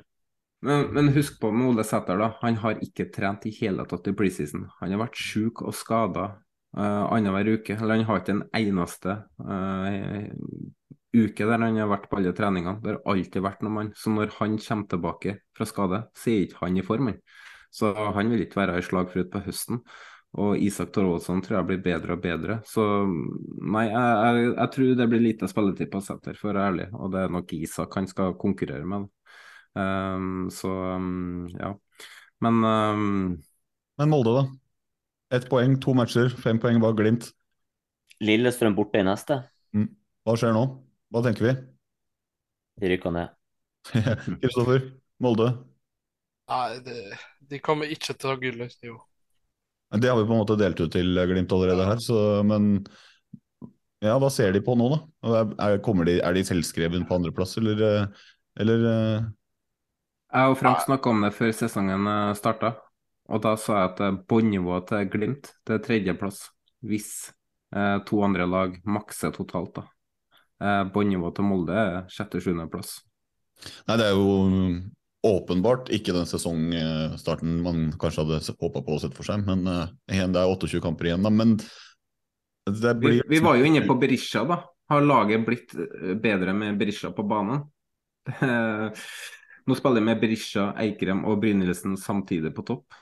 Ja. Det er ganske ja. vanvittige sjanser som bommes på. da. Altså Berisha breisida ballen utfor fra fem-seks meter. Eh, det var grove sjanser som ble bomma på oppe i Tromsø forrige runde òg. Ja, de, ska, de, ska, de, skaper jo sjanser, da. Det er jo rett og slett det at de ikke setter dem på mål. Men hva hadde skjedd hvis de hadde satt inn 1-0, da? Altså, De setter jo 1-0 nå, men uh, det er ikke sånn veldig nære 2-0 etterpå. Uh, hadde de satt inn 1-0 etter seks minutter, så er det ikke sikkert at de Nei, har fått det... de andre sjansene etterpå. Altså Kampen kunne utvikle seg helt likens uansett, men det er bare sånn mm. Det laget det skaper jo sjanser, i hvert fall. Uh, altså, spesielt altså, Tromsø ikke noe forkleinelse, men jo, altså, jeg ser jo på Tromsø som et dårligere eller svakere lag enn Rosenborg. De skaper flere sjanser mot Tromsø enn hva de gjør mot Rosenborg, men det skaper jo fortsatt sjanser i begge kampene. så... Tromsø-kampen er, er, jo bra, det har vi vært inne på. Men jeg synes de er mye dårligere med ball eh, som enhet nå enn hva de var i fjor. Eh, da hadde flere ballspillere mye mer bevegelse, de klarte å holde mye mer på kula enn det de gjør nå. Da. Eh, så spørs om han må begynne å tenke annerledes når han setter opp laget. Jeg vet ikke. Mm, men de, ett, de, står med ett poeng etter to kamper, og hva gjør det med laget når de skal til Åråsen? Eh, og, og, og, hvordan ligger Lillestrøm an når Molde kommer på besøk? Så det kan det jo bli en sesongdefinerende kamp for begge lagene. Ja, det er det som er den kampen som kommer nå på, eh, på, onsdag. Altså Hvis Lillestrøm ikke slår Godset, så er de plutselig avhengig av å slå Molde. Altså Lillestrøm går på en smell eh, i Stavanger, og det er sånn Man kunne kanskje ha sagt at ja, ja, det kan skje, for at Viking er ikke, det er ikke et dårlig lag. Men hvis, vi, hvis Lillestrøm plutselig står med null poeng etter tre kamper, eller Molde står med ett poeng etter tre kamper, det kan være veldig ødeleggende for ett av de her lagene allerede etter tre runder. Absolutt. Vi får bare vente og se. Men uh, de har nå satt seg selv i en situasjon hvor det ikke har, gått, uh, har gått helt som man har planlagt, men uh... Men skal, skal, vi ta den der litt videre med Molde, da? Bare sånn for å se hva kan skje i runde fire og fem òg. Fordi at nå er det jo klart, Molde de, de har Lillestrøm borte, og det tror jeg For all, alle andre topplag så tror jeg kanskje det er den tøffeste kampen de ser på på papiret før de skal dit, i hvert fall. Det å dra til Åråsen og Lillestrøm og dødballaget, krigerlaget med masse kvaliteter, eh, det, det, er ikke noe noen gleder seg til.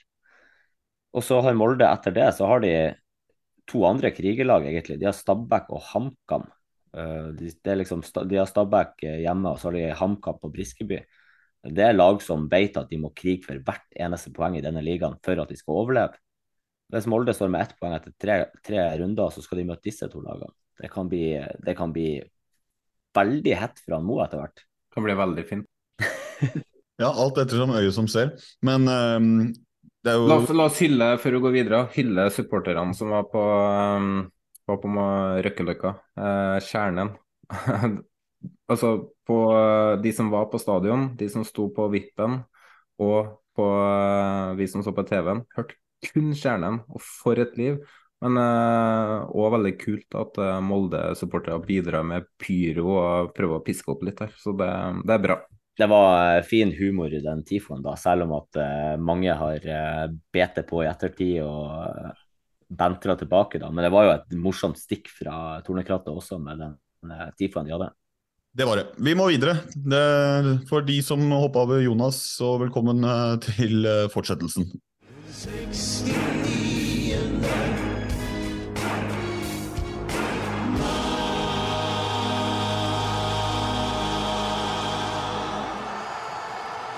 Ok, da har vi kommet til egentlig hvordan har vært for Snorre.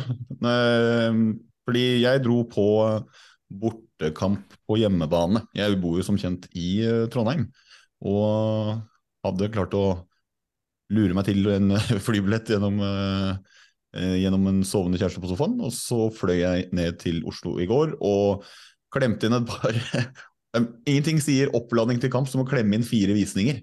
Eh, og kjøre rundt og titte på leilighet, for vi skal jo flytte ned til Oslo. Men når det var unnagjort, så var eh, i gang. Og det var litt sånn Jeg lagde en liten sånn reisetråd for spesielt interesserte på Twitter, og der ble det noen som kommenterte om at eh, det er sjansen for at du kommer her på kamp. Og det fikk nesten rett, men kommer tilbake til det. Jeg kosa meg. Var en egentlig en ti av ti dag på alle mulige måter, bortsett fra kampen. Det kan vi komme tilbake til. Men jeg, eh, jeg skal ikke legge skjul på at jeg hadde det gøy. Og det, opplegget er at jeg har, jeg har sesongkort eh, på Østblokka. Og jeg skulle dra på kamp med søstera mi og typen hennes og en kompis. Eh, men fattern skulle også på match, men han er ikke så interessert i å stå der. Så han eh, drar opp i fjerde etasje på, på vippen der, og så syns jeg litt sånn kjedelig at han skulle sitte aleine. Sånn, hvordan løser vi det her, liksom? For han hadde ikke fått med seg noen. da.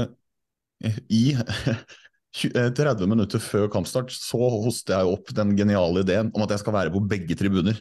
Eh, jeg skal være på, jeg skal være på vippen med fattern før matchstart, og så skal jeg løpe inn på Østblokka eh, og være der. Og så i pause skal jeg løpe tilbake. Og dette gikk eh, smertefritt, helt til eh, de stengte.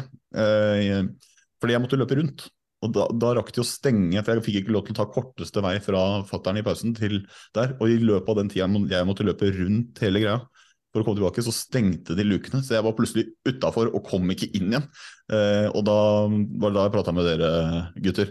Og det var ikke helt overbevist om at uh, ting sto helt på stell med meg, skjønte jeg. Men uh, det endte med at uh, jeg ble først nekta av en vekter om at det, er, det var, toget har gått, du får dra ned på øst og se matchen. Og måtte jeg først overtale han til å få lov til å snakke med sjefen hans igjen, som jeg igjen måtte overtale om å få lov til å slippe inn, selv om protokollen sier om at er du ute når andre omgang starter, så er du ute. Um, det tok litt tid. Og idet jeg kommer, får snakka meg inn, og kommer inn på Østblokka, så skårer Sarpsborg, og alt er som det skal være med min kjære Vålerenga og 1-0 til Sarpsborg. Så det ned i ettertid så ser jeg på at det opplegget kanskje Det er ikke noe jeg skal gjenta de neste kampene. Å fly mellom tribuner. Det ble, det ble med kål. Men jeg fikk treffe både Jonas sin aller beste venn, Jokke. Uh, og fikk snakka med et par spillere i heisen, Og ja, jeg, jeg kosa meg. Dagen var knall, egentlig. Det som slår meg i denne historien, her er at du er fette treg. At jeg er treig? Ja. Må sprenge kjapp, spreng kjappere. Ja, men, det er langt, altså, fra hovedtribunen. og så Du må ned foran øst, og så rundt. fordi der hvor du liksom, De har stengt av, så du kan ikke bare ha korteste vei. Sant? Hvor lang er en fotballbane? 110 meter? Jo, jo, men altså, jeg, jeg, jeg er ikke toppidrettsutøver, jeg. Og jeg er definitivt ikke i min beste form, sånn sett. Jeg er god su su supporterform, men det var det som gjorde at jeg mista det. Da. Da stengte de lukkene, fordi jeg måtte løpe rundt. Jeg prøvde liksom å ta korteste vei, men da møtte jeg på han ene vekteren der, og han sa det, det er ikke lov. Uh, så ja, ja, ok. Løp rundt. Uh, nekta. Og da ja, Nei, det er bare, bare kål. Jeg orker ikke det der mer. Neste gang så skal jeg bare bli der jeg er. Det er moralen. Og dere har jo flagga dette som den sjukeste historien. Vet du, jeg har sagt det, men det sa jeg jo bare for Du at sa jo at det var den sjukeste historien. Da forventer jeg at du bæsja på deg der, noe sånt. Men, Men dere avbrøt jo meg hele tida, så jeg fikk jo aldri sagt noe. Så da måtte jeg jo få oppmerksomheten deres. Og så var ikke jeg klar over at dere legger ut dette på Twitter. Og så, Mm, deg jeg bare beklager på vegne av løgnerne Frank og Jonas som skryter opp en historie som ikke eksisterer. Men eh, det, var, eh, det oppsummerte egentlig eh, dagen, da når jeg kom inn og ryker på 2-0. og ja. Dagen som sagt var ti av ti. Masse gode opplevelser. Traff masse fine folk. eh, Masse god stemning. Egentlig både før og etter match. Eh, matchen i seg selv, eh, det kan vi kan vi også ta, men alt i alt, herregud, jeg hadde en bra dag, altså. Kristoffer, du så kampen, eller? Ja, jeg så deler av kampen, ja. Uh, og Vålerenga de ser ikke bra ut, altså. De ser ikke så lovende ut for deres del. Nei, jeg gjør ikke det. Men uh, det har jo jeg sagt lenge. At vi så det hele preseason. Vi så det mot Ålesund. Det er akkurat det samme som i fjor. det går på tvers, og det går treigt. Og det er veldig enkelt å forsvare seg mot. I tillegg så man krydra dette da med å være ekstremt enkel å score på. Og Det er derfor jeg, hadde, jeg sa det i forrige pod. Jeg har ikke så høye forventninger til selve matchen, for det kan gå alle veier.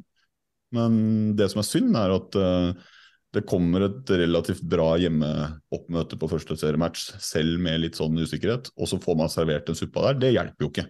Men, men nå skal ikke skylde på supporterne. Uh, for de uh, på blokka de sang til 90 minutter og forbi dommeren blåste og fullførte.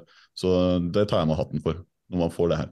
Det, jeg, jeg, skrev en tweet uh, midt under kampen og skrev at Børven skulle holdt seg i 2019. Han, fyren har ikke levert på en fotballbane siden før korona. Uh, hvorfor han Fagermo er så bastant og sta og skal stå med han på topp, det forstår jeg ikke lenger. Det må jo være mer spennende å få på en Sediata eller noe annet for å prøve noe nytt. Ja, altså, men man ser det jo også i går. da, Jeg skal ikke stå her og si at Vålerenga var magisk etter at Sidiata eh, kom innpå og de satt på Dikko Eng samtidig. Men da hadde man i hvert fall tilløp til noen eh, At det ble litt mer uro foran der. Det ble litt mer uforutsigbart å forsvare seg mot. Han var litt høyt og lavt, han vant dueller. Eh, hadde også en eh, en uh, sjanse som han uh, var utafor. Altså, det kunne sett litt annerledes ut, men det er omtrent ikke noe som skjer så lenge uh, man har Børven. Jeg, altså, han er sikkert en fin fyr. Ja, ungguttene de kommer jo inn med sult. Han ja. Børven han er mett. Så det er det. Altså, jeg, jeg, kan ikke fatte og begripe det, men det må jo være noe der. Uh, denne, uh, at man må spille de gutta sine. Men, det er noe ordentlig tannløst over det Vålerenga-laget der. Eh, se på kroppsholdninga til spillerne. Se på intensiteten som ikke er der. Eh, det så ut som de spilte en vanlig treningskamp som ikke betydde en dritt. Og så har man eh, Jokke Jønsson eh, og Dag Ellef Fagermo som snakker om at vi har så ungt lag, vi mangler etablerte spillere. La meg gå gjennom laget til Vålerenga i går i alder. 21, 31, 21. Han er på lån. 32, 30, 20, 29, 26, 28, 31 og 26. Mangler etablerte spillere, sier de. Det er snittalder på 27,4 år. Kun HamKam har høyere snittalder denne runden her. Hvor er framtida til Vålerenga? Hvordan spillere skal de tjene penger på? Hvordan skal spillere som Eng og, eller Eng og Holm øke i markedspris når eh, laget ikke har forutsetninger til å lykkes? Altså Den, den framtida til Vålerenga den ser dyster ut, altså. Ja, men nå syns jeg du, du, gjør det litt enkelt, for det er ikke det, det de sier med at de har en ung tropp. Det de kritiserer, eller det de tar opp der, er treningshverdagen. At med en gang du får uh, landslagssamlinger, så forsvinner det 17 spillere, og du kan omtrent ikke kjøre økter. Uh, det er jo det de hovedsakelig har snakka om. De har ikke lagt skjul på at de har etablerte spillere til å kunne stille en elver, men at de vil gjerne ha en, noen til som gjør at det ikke blir syltynt når gutta drar.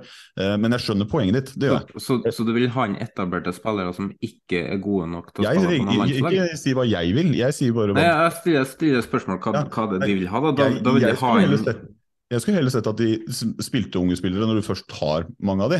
Men uh, Nå er det ikke jeg som tar ut laget, men jeg må i hvert fall kunne uh, jeg justerer deg på uh, Jeg skjønner hvor du vil hen, men jeg justerer deg på uh, hva de mener med at man har et ung, uh, ungt lag. De har ikke sagt de har en ung elver, men de har, de har, sagt de har en veldig ung tropp. Når du ser på 25-mannstroppen, der er det rimelig tynt utafor elveren. Da. Og da får du en De får, har problemer med treningshverdagen når det er landslagssamlinger og ja, det å spille 11 mot 11 osv.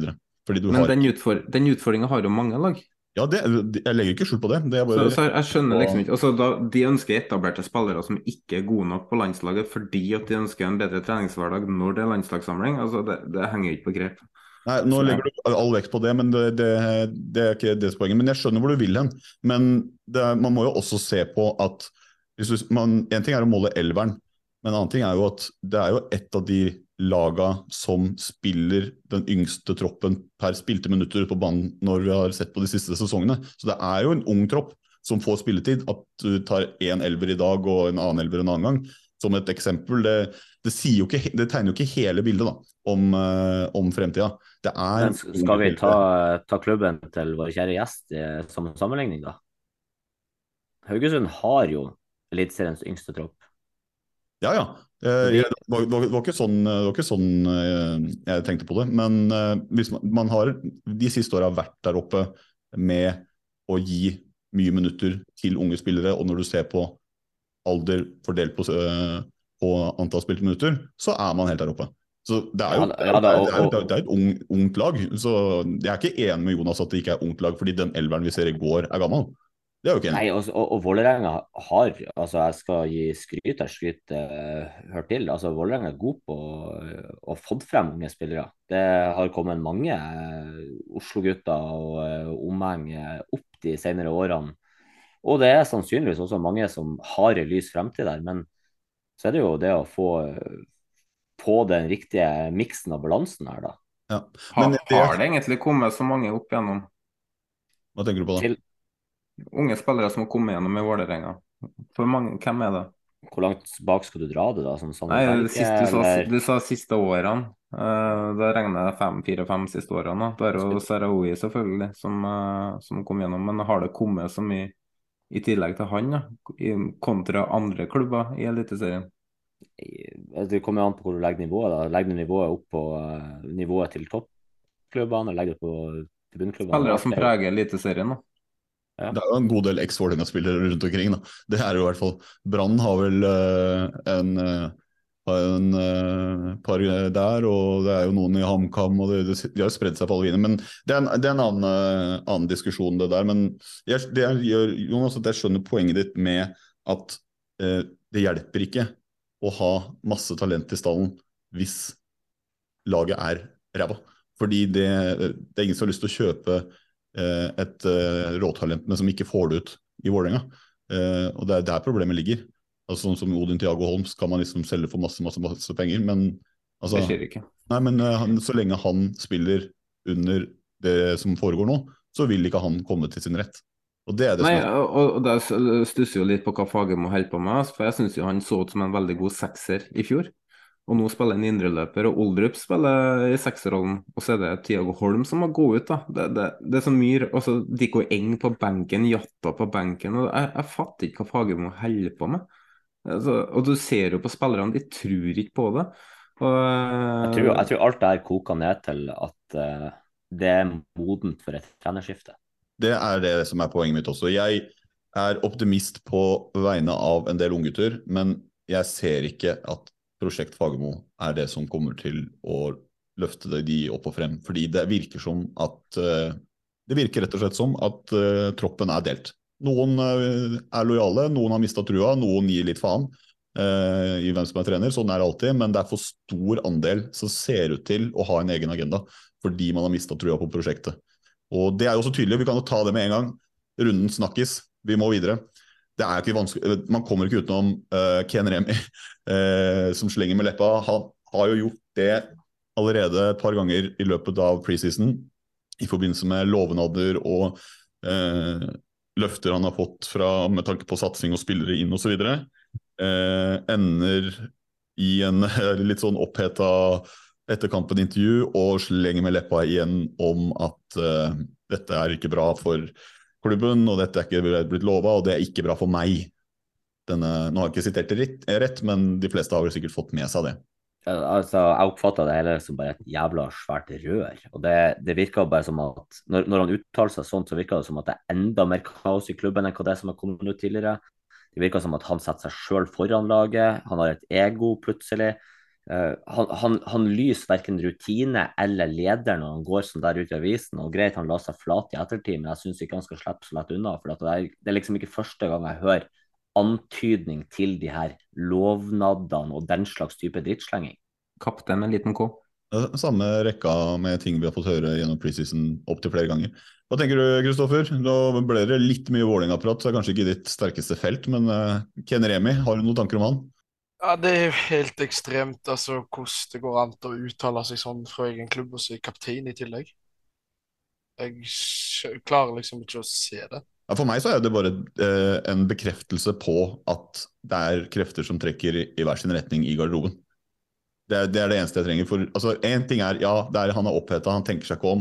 Det kan alle kan finne på å si noe dumt. Men det her er ikke noe som var spontant, for han har sagt det før. Og så Det er legger- ikke bare, det er ikke bare garderoben, det er jo i klubben. Men eh, det, det eh, uten å si for mye, det kan hende at vi er nødt til å ta en egen episode om. Eh, Men det var jo en podkast i dag, Spiss vinkel, som hvor de Skrå vinkel, Vinkel. De, de, der er jo Bernt Hulsker gjester jo de akkurat i den seansen der, og de er tre stykker som vet mye, som sier at de vet mye, som ikke kan si alt det de vet. Men det er veldig lett å lese mellom linjene at det som foregår i Vålerenga nå, det er komplett kaos, da. Mm. Så jeg anbefaler å uh, høre litt på den podkasten og den eh, seansen der, for um, det, det hadde vært litt artig å høre hva de faktisk vet, eller tror, eller hva man skal si. Men uh, utrolig illojalt av Stefan Strandberg, og den unnskyldninga han kommer med da, kan han bare sta- stikke langt opp i rassen, altså. For, Hvis det fortsetter den- sånn, så er vi nødt til å begynne å si Stefan Ja. Strandberg. Altså, OK, han eh, gjorde et oppgjør med klubben i, tilbake i februar, tror jeg. Det er greit, det er sånn midt i preseason. så- Jeg så på det som at nå sender han et signal til klubben at ta grep nå. Eh, gjør investeringer som jeg er lova, eller eh, som må til. Og så skjer ikke det. Og så tar han det her, andre serierunde, utenfor et overgangsvindu der klubben ikke kan gjøre noen verdens ting. Det er jo det er så illojalt som du får det. Og, um, og, så, og så ligger det jo noe i det han sier. Han er jo lova ting. Det, det er jo helt åpenbart. Noe som klubb Drar man alt det her tilbake igjen til eh, årsmøtet, regnskapet, alt det her, hva det er 42 minus? Det er sånn det er jo, de, altså Vålerenga er jo bundet på hendene til uh, Traum sin eh, goodwill, rett og slett. Mm. Det, det er nettopp det. Hvis vi skal eh, gå inn på det som ligger kanskje bak eh, det sportslige kaoset nå, eh, så um, er vi kanskje nødt til å ha en egen episode om, eh, om det. Det kan jo bli høyaktuelt hvis det fortsetter sånn her, så vi får bare følge med. Men uh, uansett, uh, Stefan Strandberg sin uh, uttalelse etter kampen det heva noen øyenbryn. Og jeg fikk ikke med meg der og da, fordi jeg, jeg dro ned på øst. Men så fort jeg fikk med meg tenkte jeg bare ja, men her er vi i gang. Nå er vi der vi skal være, med at vi trekker i forskjellige Men- retninger og sånn, men eh, Spørsmål som en supporter til en annen supporter. Vil du at han Strandberg skal starte neste match? har vi noe har vi noe valg, ja, på en måte? Nei, det, som jeg, det jeg syns er, er spesielt, da, er jo at øh, han er jo direkte skyld i 2-0-målet. Eh, og så går eh, du på en måte så hardt ut om å kreve at laget er ikke godt nok, istedenfor å kunne ta den strekke hånda i været som kaptein og si eh, Jeg syns det, jeg det er klønete, og det er liksom henta inn for å liksom bygge unge spillere opp, og ender opp med å på en måte kunne, Han kunne pekt på seg selv da, og sagt se, og lær hva man ikke skal. Eh, det tar den. Der, der. Det er, som, det er som Selvik når han gjør den keepertabba i går, som eh, setter seg ned og, og slår ut med hendene. Klager på spillerne foran seg. Det er litt sånn, da. Eh, så, nei, eh, men uh, han kommer jo til å starte så lenge han er fit, uh, selvfølgelig. Men Men, men spørsmålet var ikke om han kommer til å starte, hva om du vil han skal starte? Å ja, om det, var- det var sånn, du ja, Ok. Uh, ja, jeg skal uh, vi kaste inn på um, Kiel Olsen uh, nå, da? Uh, mot LSK? Nei, borte mot Brann. Har, har det noe for seg? Nei, jeg, jeg, han, eh, altså, han gjør i hvert fall det eneste rette med å beklage. Eh, og Det har vært et oppgjør der, Fagermo har også sagt noe om det. Men det, det han, han starter neste match, for, for min del er liksom helt greit. For jeg ser ikke at vi blir Jeg, tror- jeg tror ikke vi jeg tror ikke det blir verken bedre eller verre hvis vi, hvis vi eh, dropper han nå. Altså. Jeg tror ikke det ja. Bare for å avslutte med en ting her, da. Hvis ikke det skjer endringer i Vålerenga i løpet av sesongen i år, så kan det fort rykke ned. Men det blir det, fordi Fagermo ryker. Og det hørte Ja, det det jeg sier. Jeg tror det skjer noe, og det er det som kan redde dem. Men hvis det ikke skjer noen endringer, så tror jeg fort de kan rykke ned. For det er ikke noe som heter at et lag er for bra til å. Altså. Nei, nei, nei, Ok, absolutt Glimt er for bra til å det er klart, men Men det har jo vært min uh, spådom hele veien. At uh, Vålerenga, hvis de starter sånn som de ser ut til å være i stand til å starte nå, så kommer det til å bli et enormt press på Fagermo tidlig, og til slutt så ryker han. Og jeg, jeg står fortsatt for før sommeren. Kristoffer, det hadde vært jævlig artig hvis Vålerenga rykka ned. Jeg har andre lag som jeg vil heller ha ned, men sånn. skal jeg være ærlig og si Nei, jeg tenker mer sørfylke for oss. Men Nei, jeg, skal ikke ta noen ting for gitt, jeg. Men uh, jeg skal være på så mye jeg kan jeg, på stadion og i hvert fall prøve å heie gutta til å dra igjen nok poeng til at vi kan ta denne sjuendeplassen vår. Det, jeg har ikke gitt opp den ennå. Men uh, vi må gå Vi begynner å nærme oss eh, slutten av runden. Vi må kjapt, eh, jeg må kjapt spørre dere. Hva er deres øyeblikk, eh, rundens øyeblikk, rundens prestasjon og rundens skuffelser? Vi starter med deg, eh, Kristoffer. rundens øyeblikk, da vil jeg dra fram materialforvalteren til godset, som drar fram den klokka på overtid av overtider. Som skal vise både, både eh, Ilsenes Nei, ja, og fjerdommer. Mm. Eh, og rundens prestasjon eh, må være Odd som slår Brann. Med tanke på hvor enorme Brann har vært i prisisen og cup og alt. Og rundens skuffelse, der må jeg eh, dra inn Børven. Ja. Det, du får, du får gehør for hos meg på det, så det gjør det òg. Frank? Eh, morsomt det rundens øyeblikk han tok frem. For meg så var det naturlig å bare ta Bård Finne-situasjonen der han stoppa opp. Eh, men, eh, men, ja, det er gøy å høre det var noen som hadde tenkt noe annet. For jeg tenkte at alle hadde tatt den samme der. Eh, rundens prestasjon for meg er 1-0-skåringa til Pellegrino. Den, eh, det er verdensklasse-skåring, og det vi har vært inne på den allerede, trenger ikke å snakke så mye mer om den. Rundens skuffelse er ei bane som ser ut som den hører hjemme i fjerdedivisjon, med to lag som ser ut som de hører hjemme i fjerdedivisjon, der det blir 0-0. Uh, uh, rundens prestasjon uh, og rundens øyeblikk det var jo ganske forutsigbart på hva dere ville ta. Så jeg tok rundens øyeblikk, missen til Kirkvold på overtid.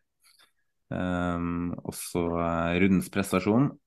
Jeg syns det er en ufattelig stor prestasjon av Fagermo å starte med Børven. Det fortjener han egentlig en medalje for. Rundens skuffelse, det satte jeg på Lillestrøms offensive spill. Ja, og, og nå skal vi sette rundens lag. Vi eh, prøver en litt annen variant enn sist, for de som fikk med seg det. Så prøver vi å få skape litt mer diskusjon, men vi kan jo begynne bakerst, da. Hvem har dere i mål? Jeg har uh, Myra. Myhra. Uh, han redder en del for godset, og jeg føler han holder det inne i kampen, egentlig.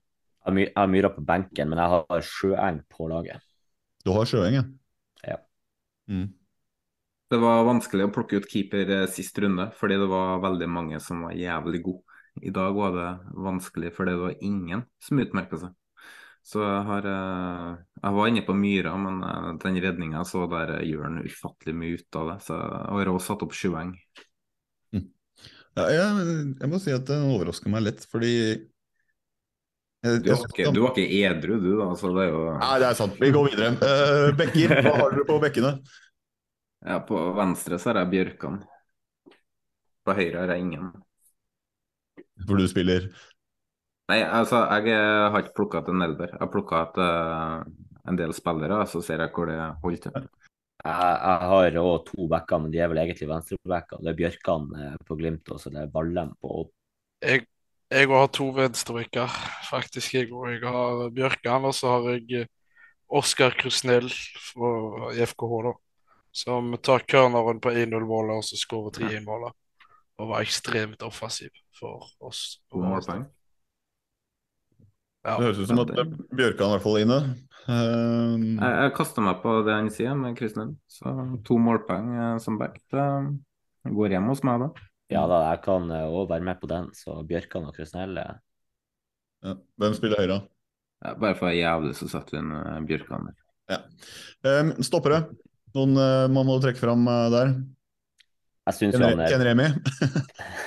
Jeg syns han Brekalo var enorm i midtforsvaret til Viking. Han, han viser uh, hvor god og hvor viktig han er for det laget. da.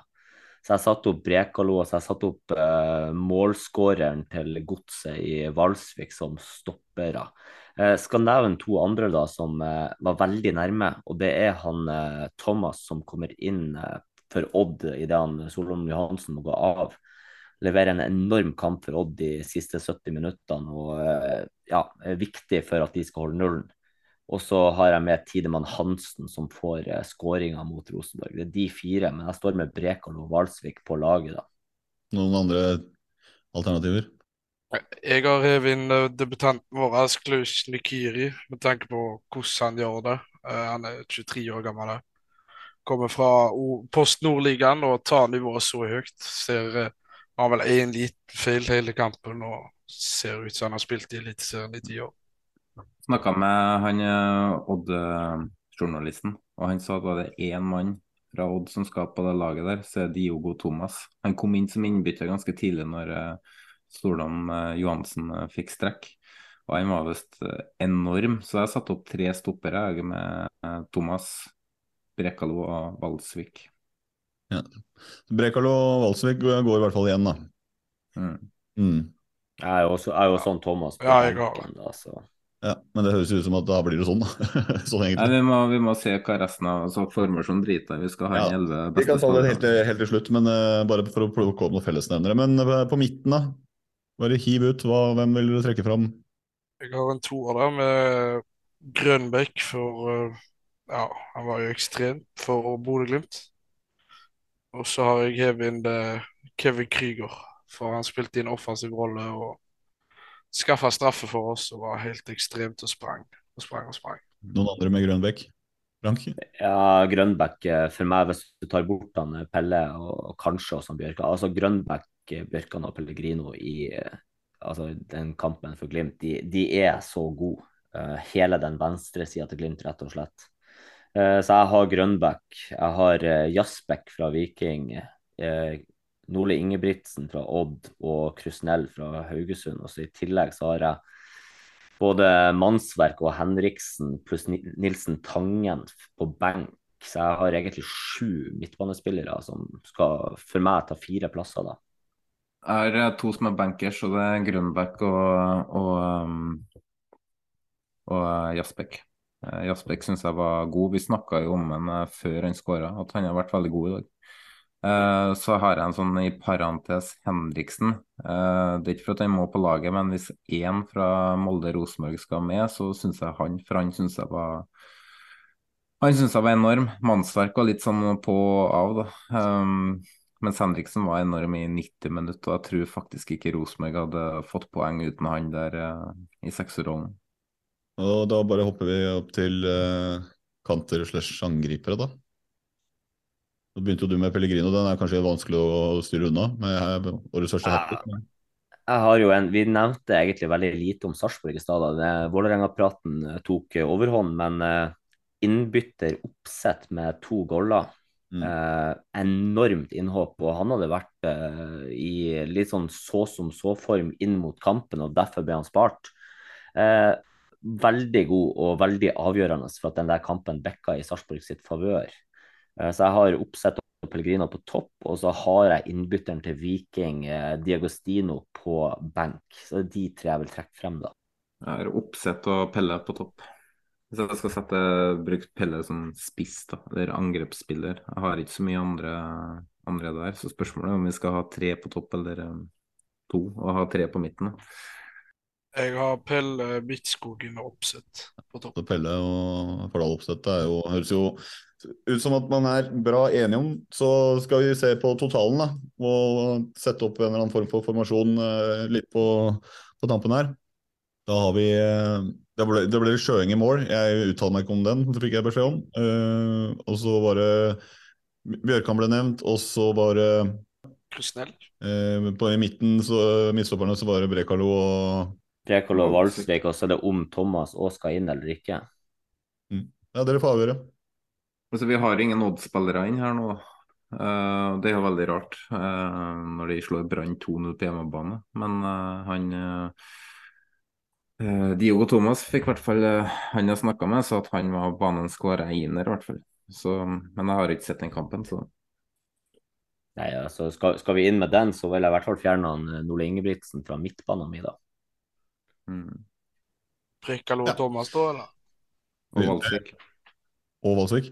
Mm. Han skårer jo mål og holder clean sheet. Val, Val, Valsvik var vel beste spilleren på, eh, på Marienlyst, eh, sånn som jeg har forstått. Men noen ganger så må man ta et valg, så skal du spille med fem bak, da. Det blir jo en eh, 3-5-2 der. Mm. Som du er så glad i. Mm. Ja. Blir jo wing, wingbacker og tre stoppere igjen.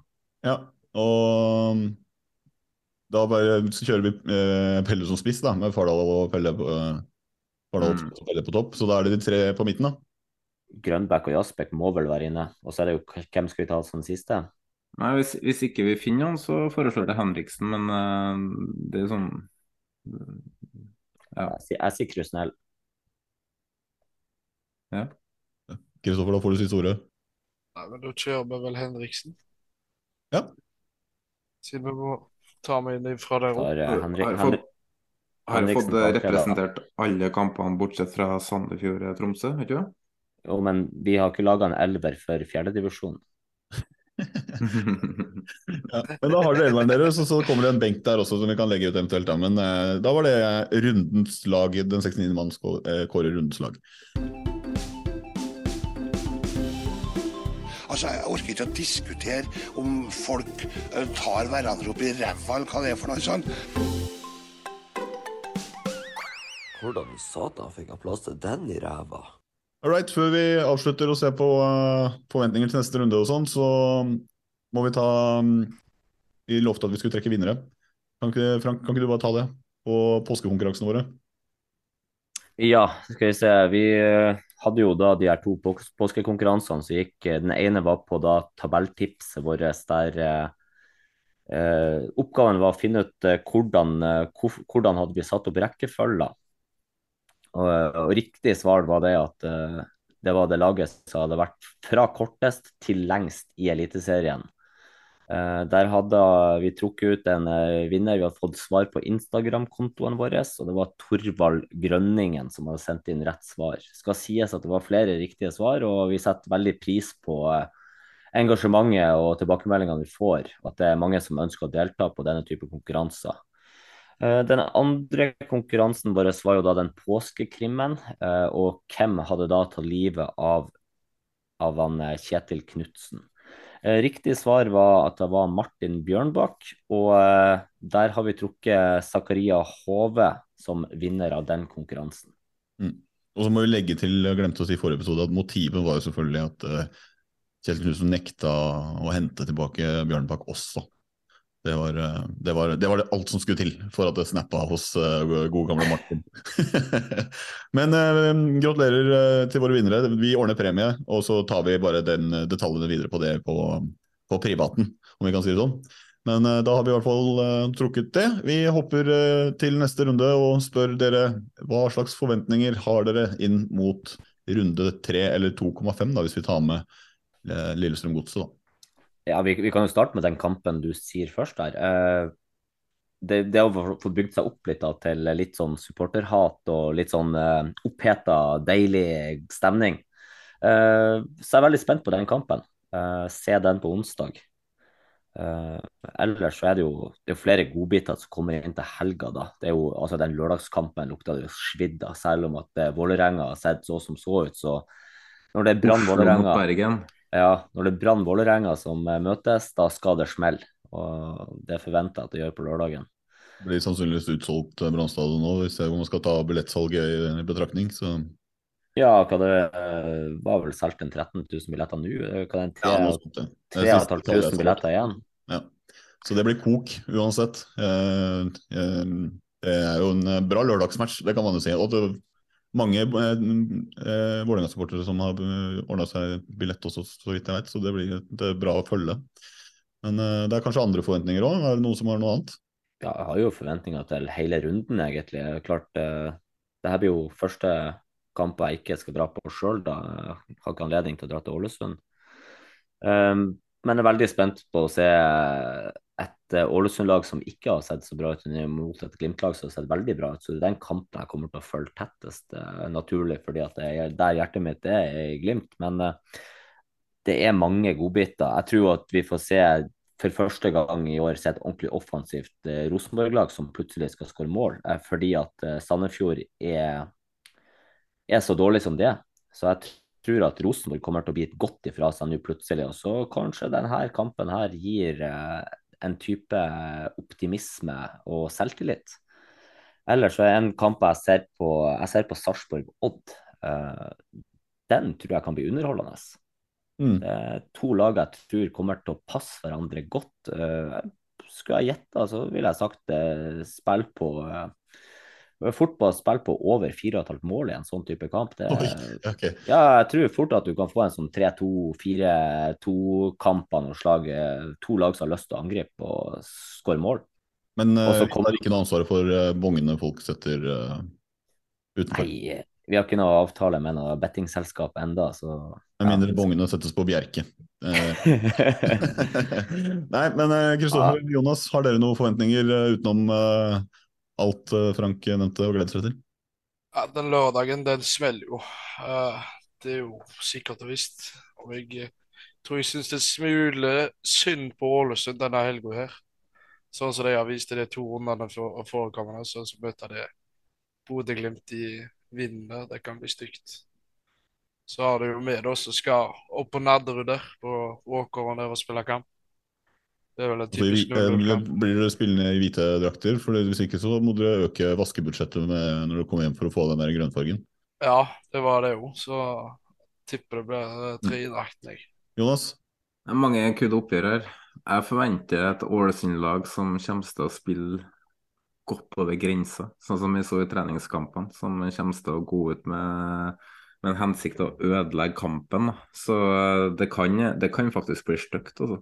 De, Men, men det, det som var, det snakka vi om tidligere i forhold til eh, både Rosenborg mot Ålesund og Glimt mot Ålesund på eh, Color Line i preseason. Det lå jo snø på banen, ballen stoppa jo opp. Da får du jo ned tempoet. Jo da, Jeg, tror, det- jeg tror at det Glimt-laget her, det blir å bare rive i stykker det Ålesund-laget på tempo. Det, det, det, det sier seg sjøl, men uh, det var et eller annet når de møtte uh, Rosenborg på bortebane, og de, taklingene som var godt over grensa, da, så var det full jubel på benken og liksom Yeah, sånn skal det være, liksom. Men det er jo uh, så, der, så, det lenge, der så lenge det er kamp, så lenge Bodø-Glimt ikke får en tidlig, tidlig ledelse, så tror jeg Ålesund kommer til å spille eh, godt over grensa, tror jeg, på hva som eh, det, er så, Der får dommeren en oppgave, tror jeg. da. Um, Hvis kampen blir spilt, da. Det gjenstår å se. Ja, At det- det, har jo- det der. har jo VAR òg, da, som kommer til å ta tak i det der, så uh, For et Ja, lag har vi det? Har vi det? Ja, godt spørsmål. Ja.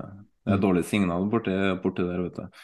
Nei da, men uh, det jeg forventer, da, hvis jeg kan ta Rosenborg, er at uh, jeg forventer at de øker forspranget til enten Lillestrøm eller Molde. Og det er jo, um, det er jo litt deilig da, hvis de gjør jobben sjøl. Men eh, eh, Rosen, altså Sandefjord er en motstander Rosenborg alltid tar seks poeng imot. Så det forventer jeg jo virkelig nå òg.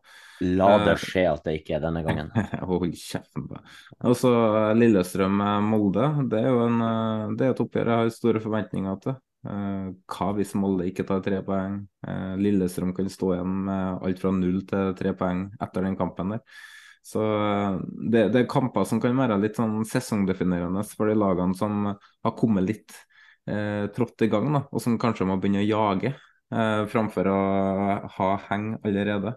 Eh, For Vålerenga så, så kan det der være kroken på døra fra Fagermo, rett og slett. Ja, men det Eh, er jo det, det beste eh, scenarioet man kan få ut av eh, å tape i Bergen, er jo at hvis du taper 1-0, 2-1, og det er liksom det, det minner om noe, så eh, Bare for å si det, da. Jeg er ikke en, er ikke en eh, fyr som mener at man skal sparke treneren sin etter tre kamper, men det er så mye mer som ligger til grunn. Dette er jo ikke etter tre kamper. Nei, det, det er ikke det, er, det er ikke tre kamper, eh, de tre første kampene hans. Dette er to år og still counting med eh, begrunna frustrasjon eh, og lite utvikling. Så jeg vil heller Jeg, vil, jeg, tror eh, den kampen lever litt sitt eget liv, sånn som den ofte kan gjøre, men eh, ja, Det er, så enkelt, det er så enkelt å spille mot Vålerenga. Altså, det er så enkelt å angripe det, ser det ut fra. da. Det er, de er så forutsigbare, de vet hva som kommer, og de vet hvordan de skal angripe det. og Det tror jeg Brann har full kontroll på. Ja da, men jeg ville bare si at jeg, forventningen min er at det blir et uh, satans leven uansett om det blir på banen etter kamp før. Uh, det er mine forventninger til denne kampen her. Men Frank, helt slutt. 4-3-3-lag mot hverandre, da.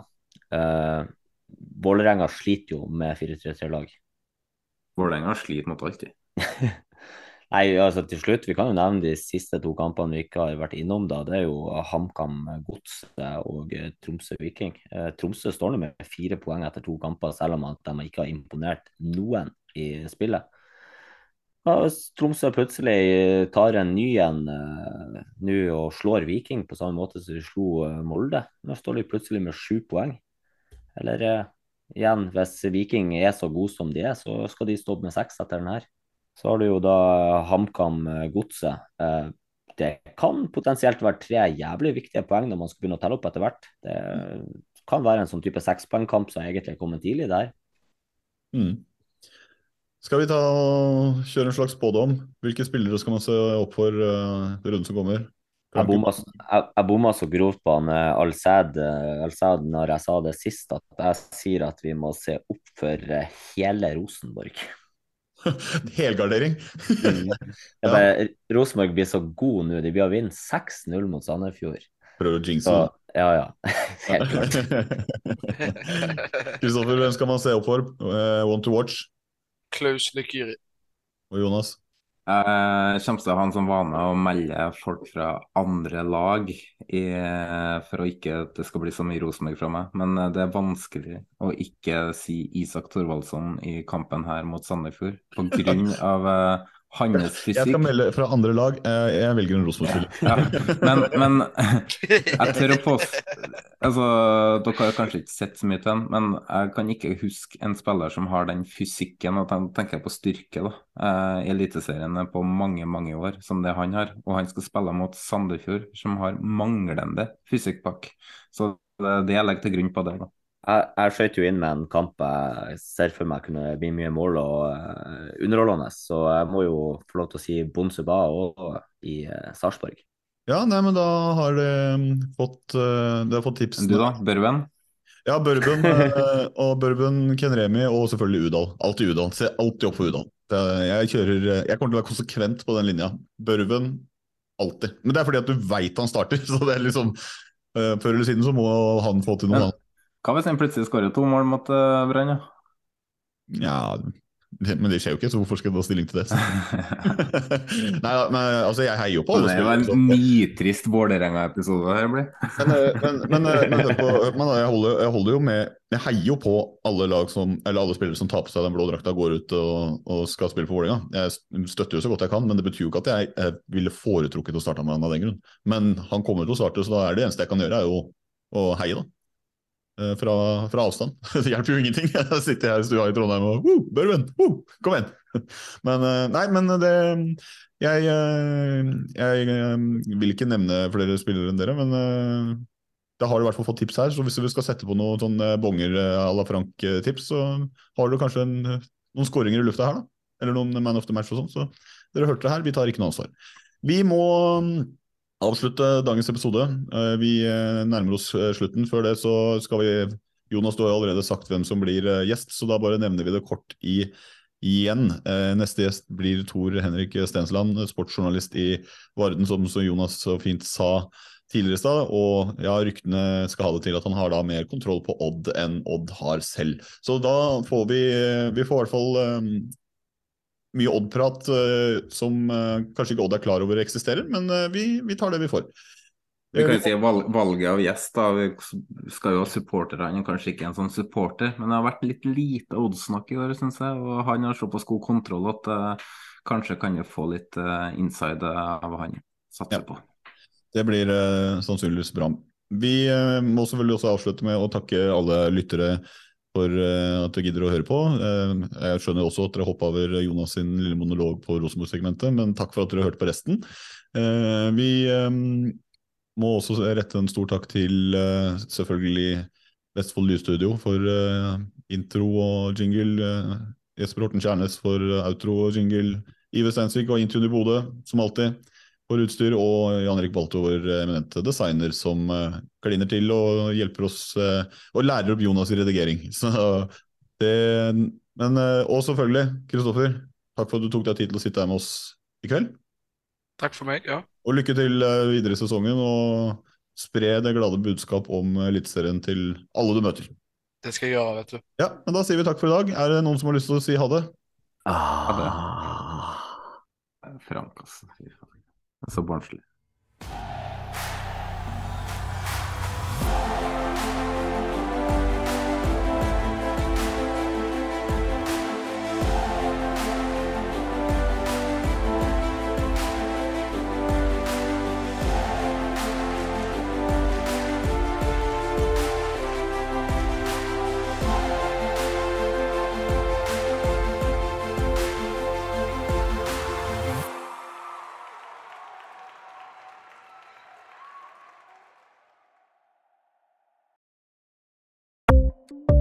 Ukens annonsør er HelloFresh.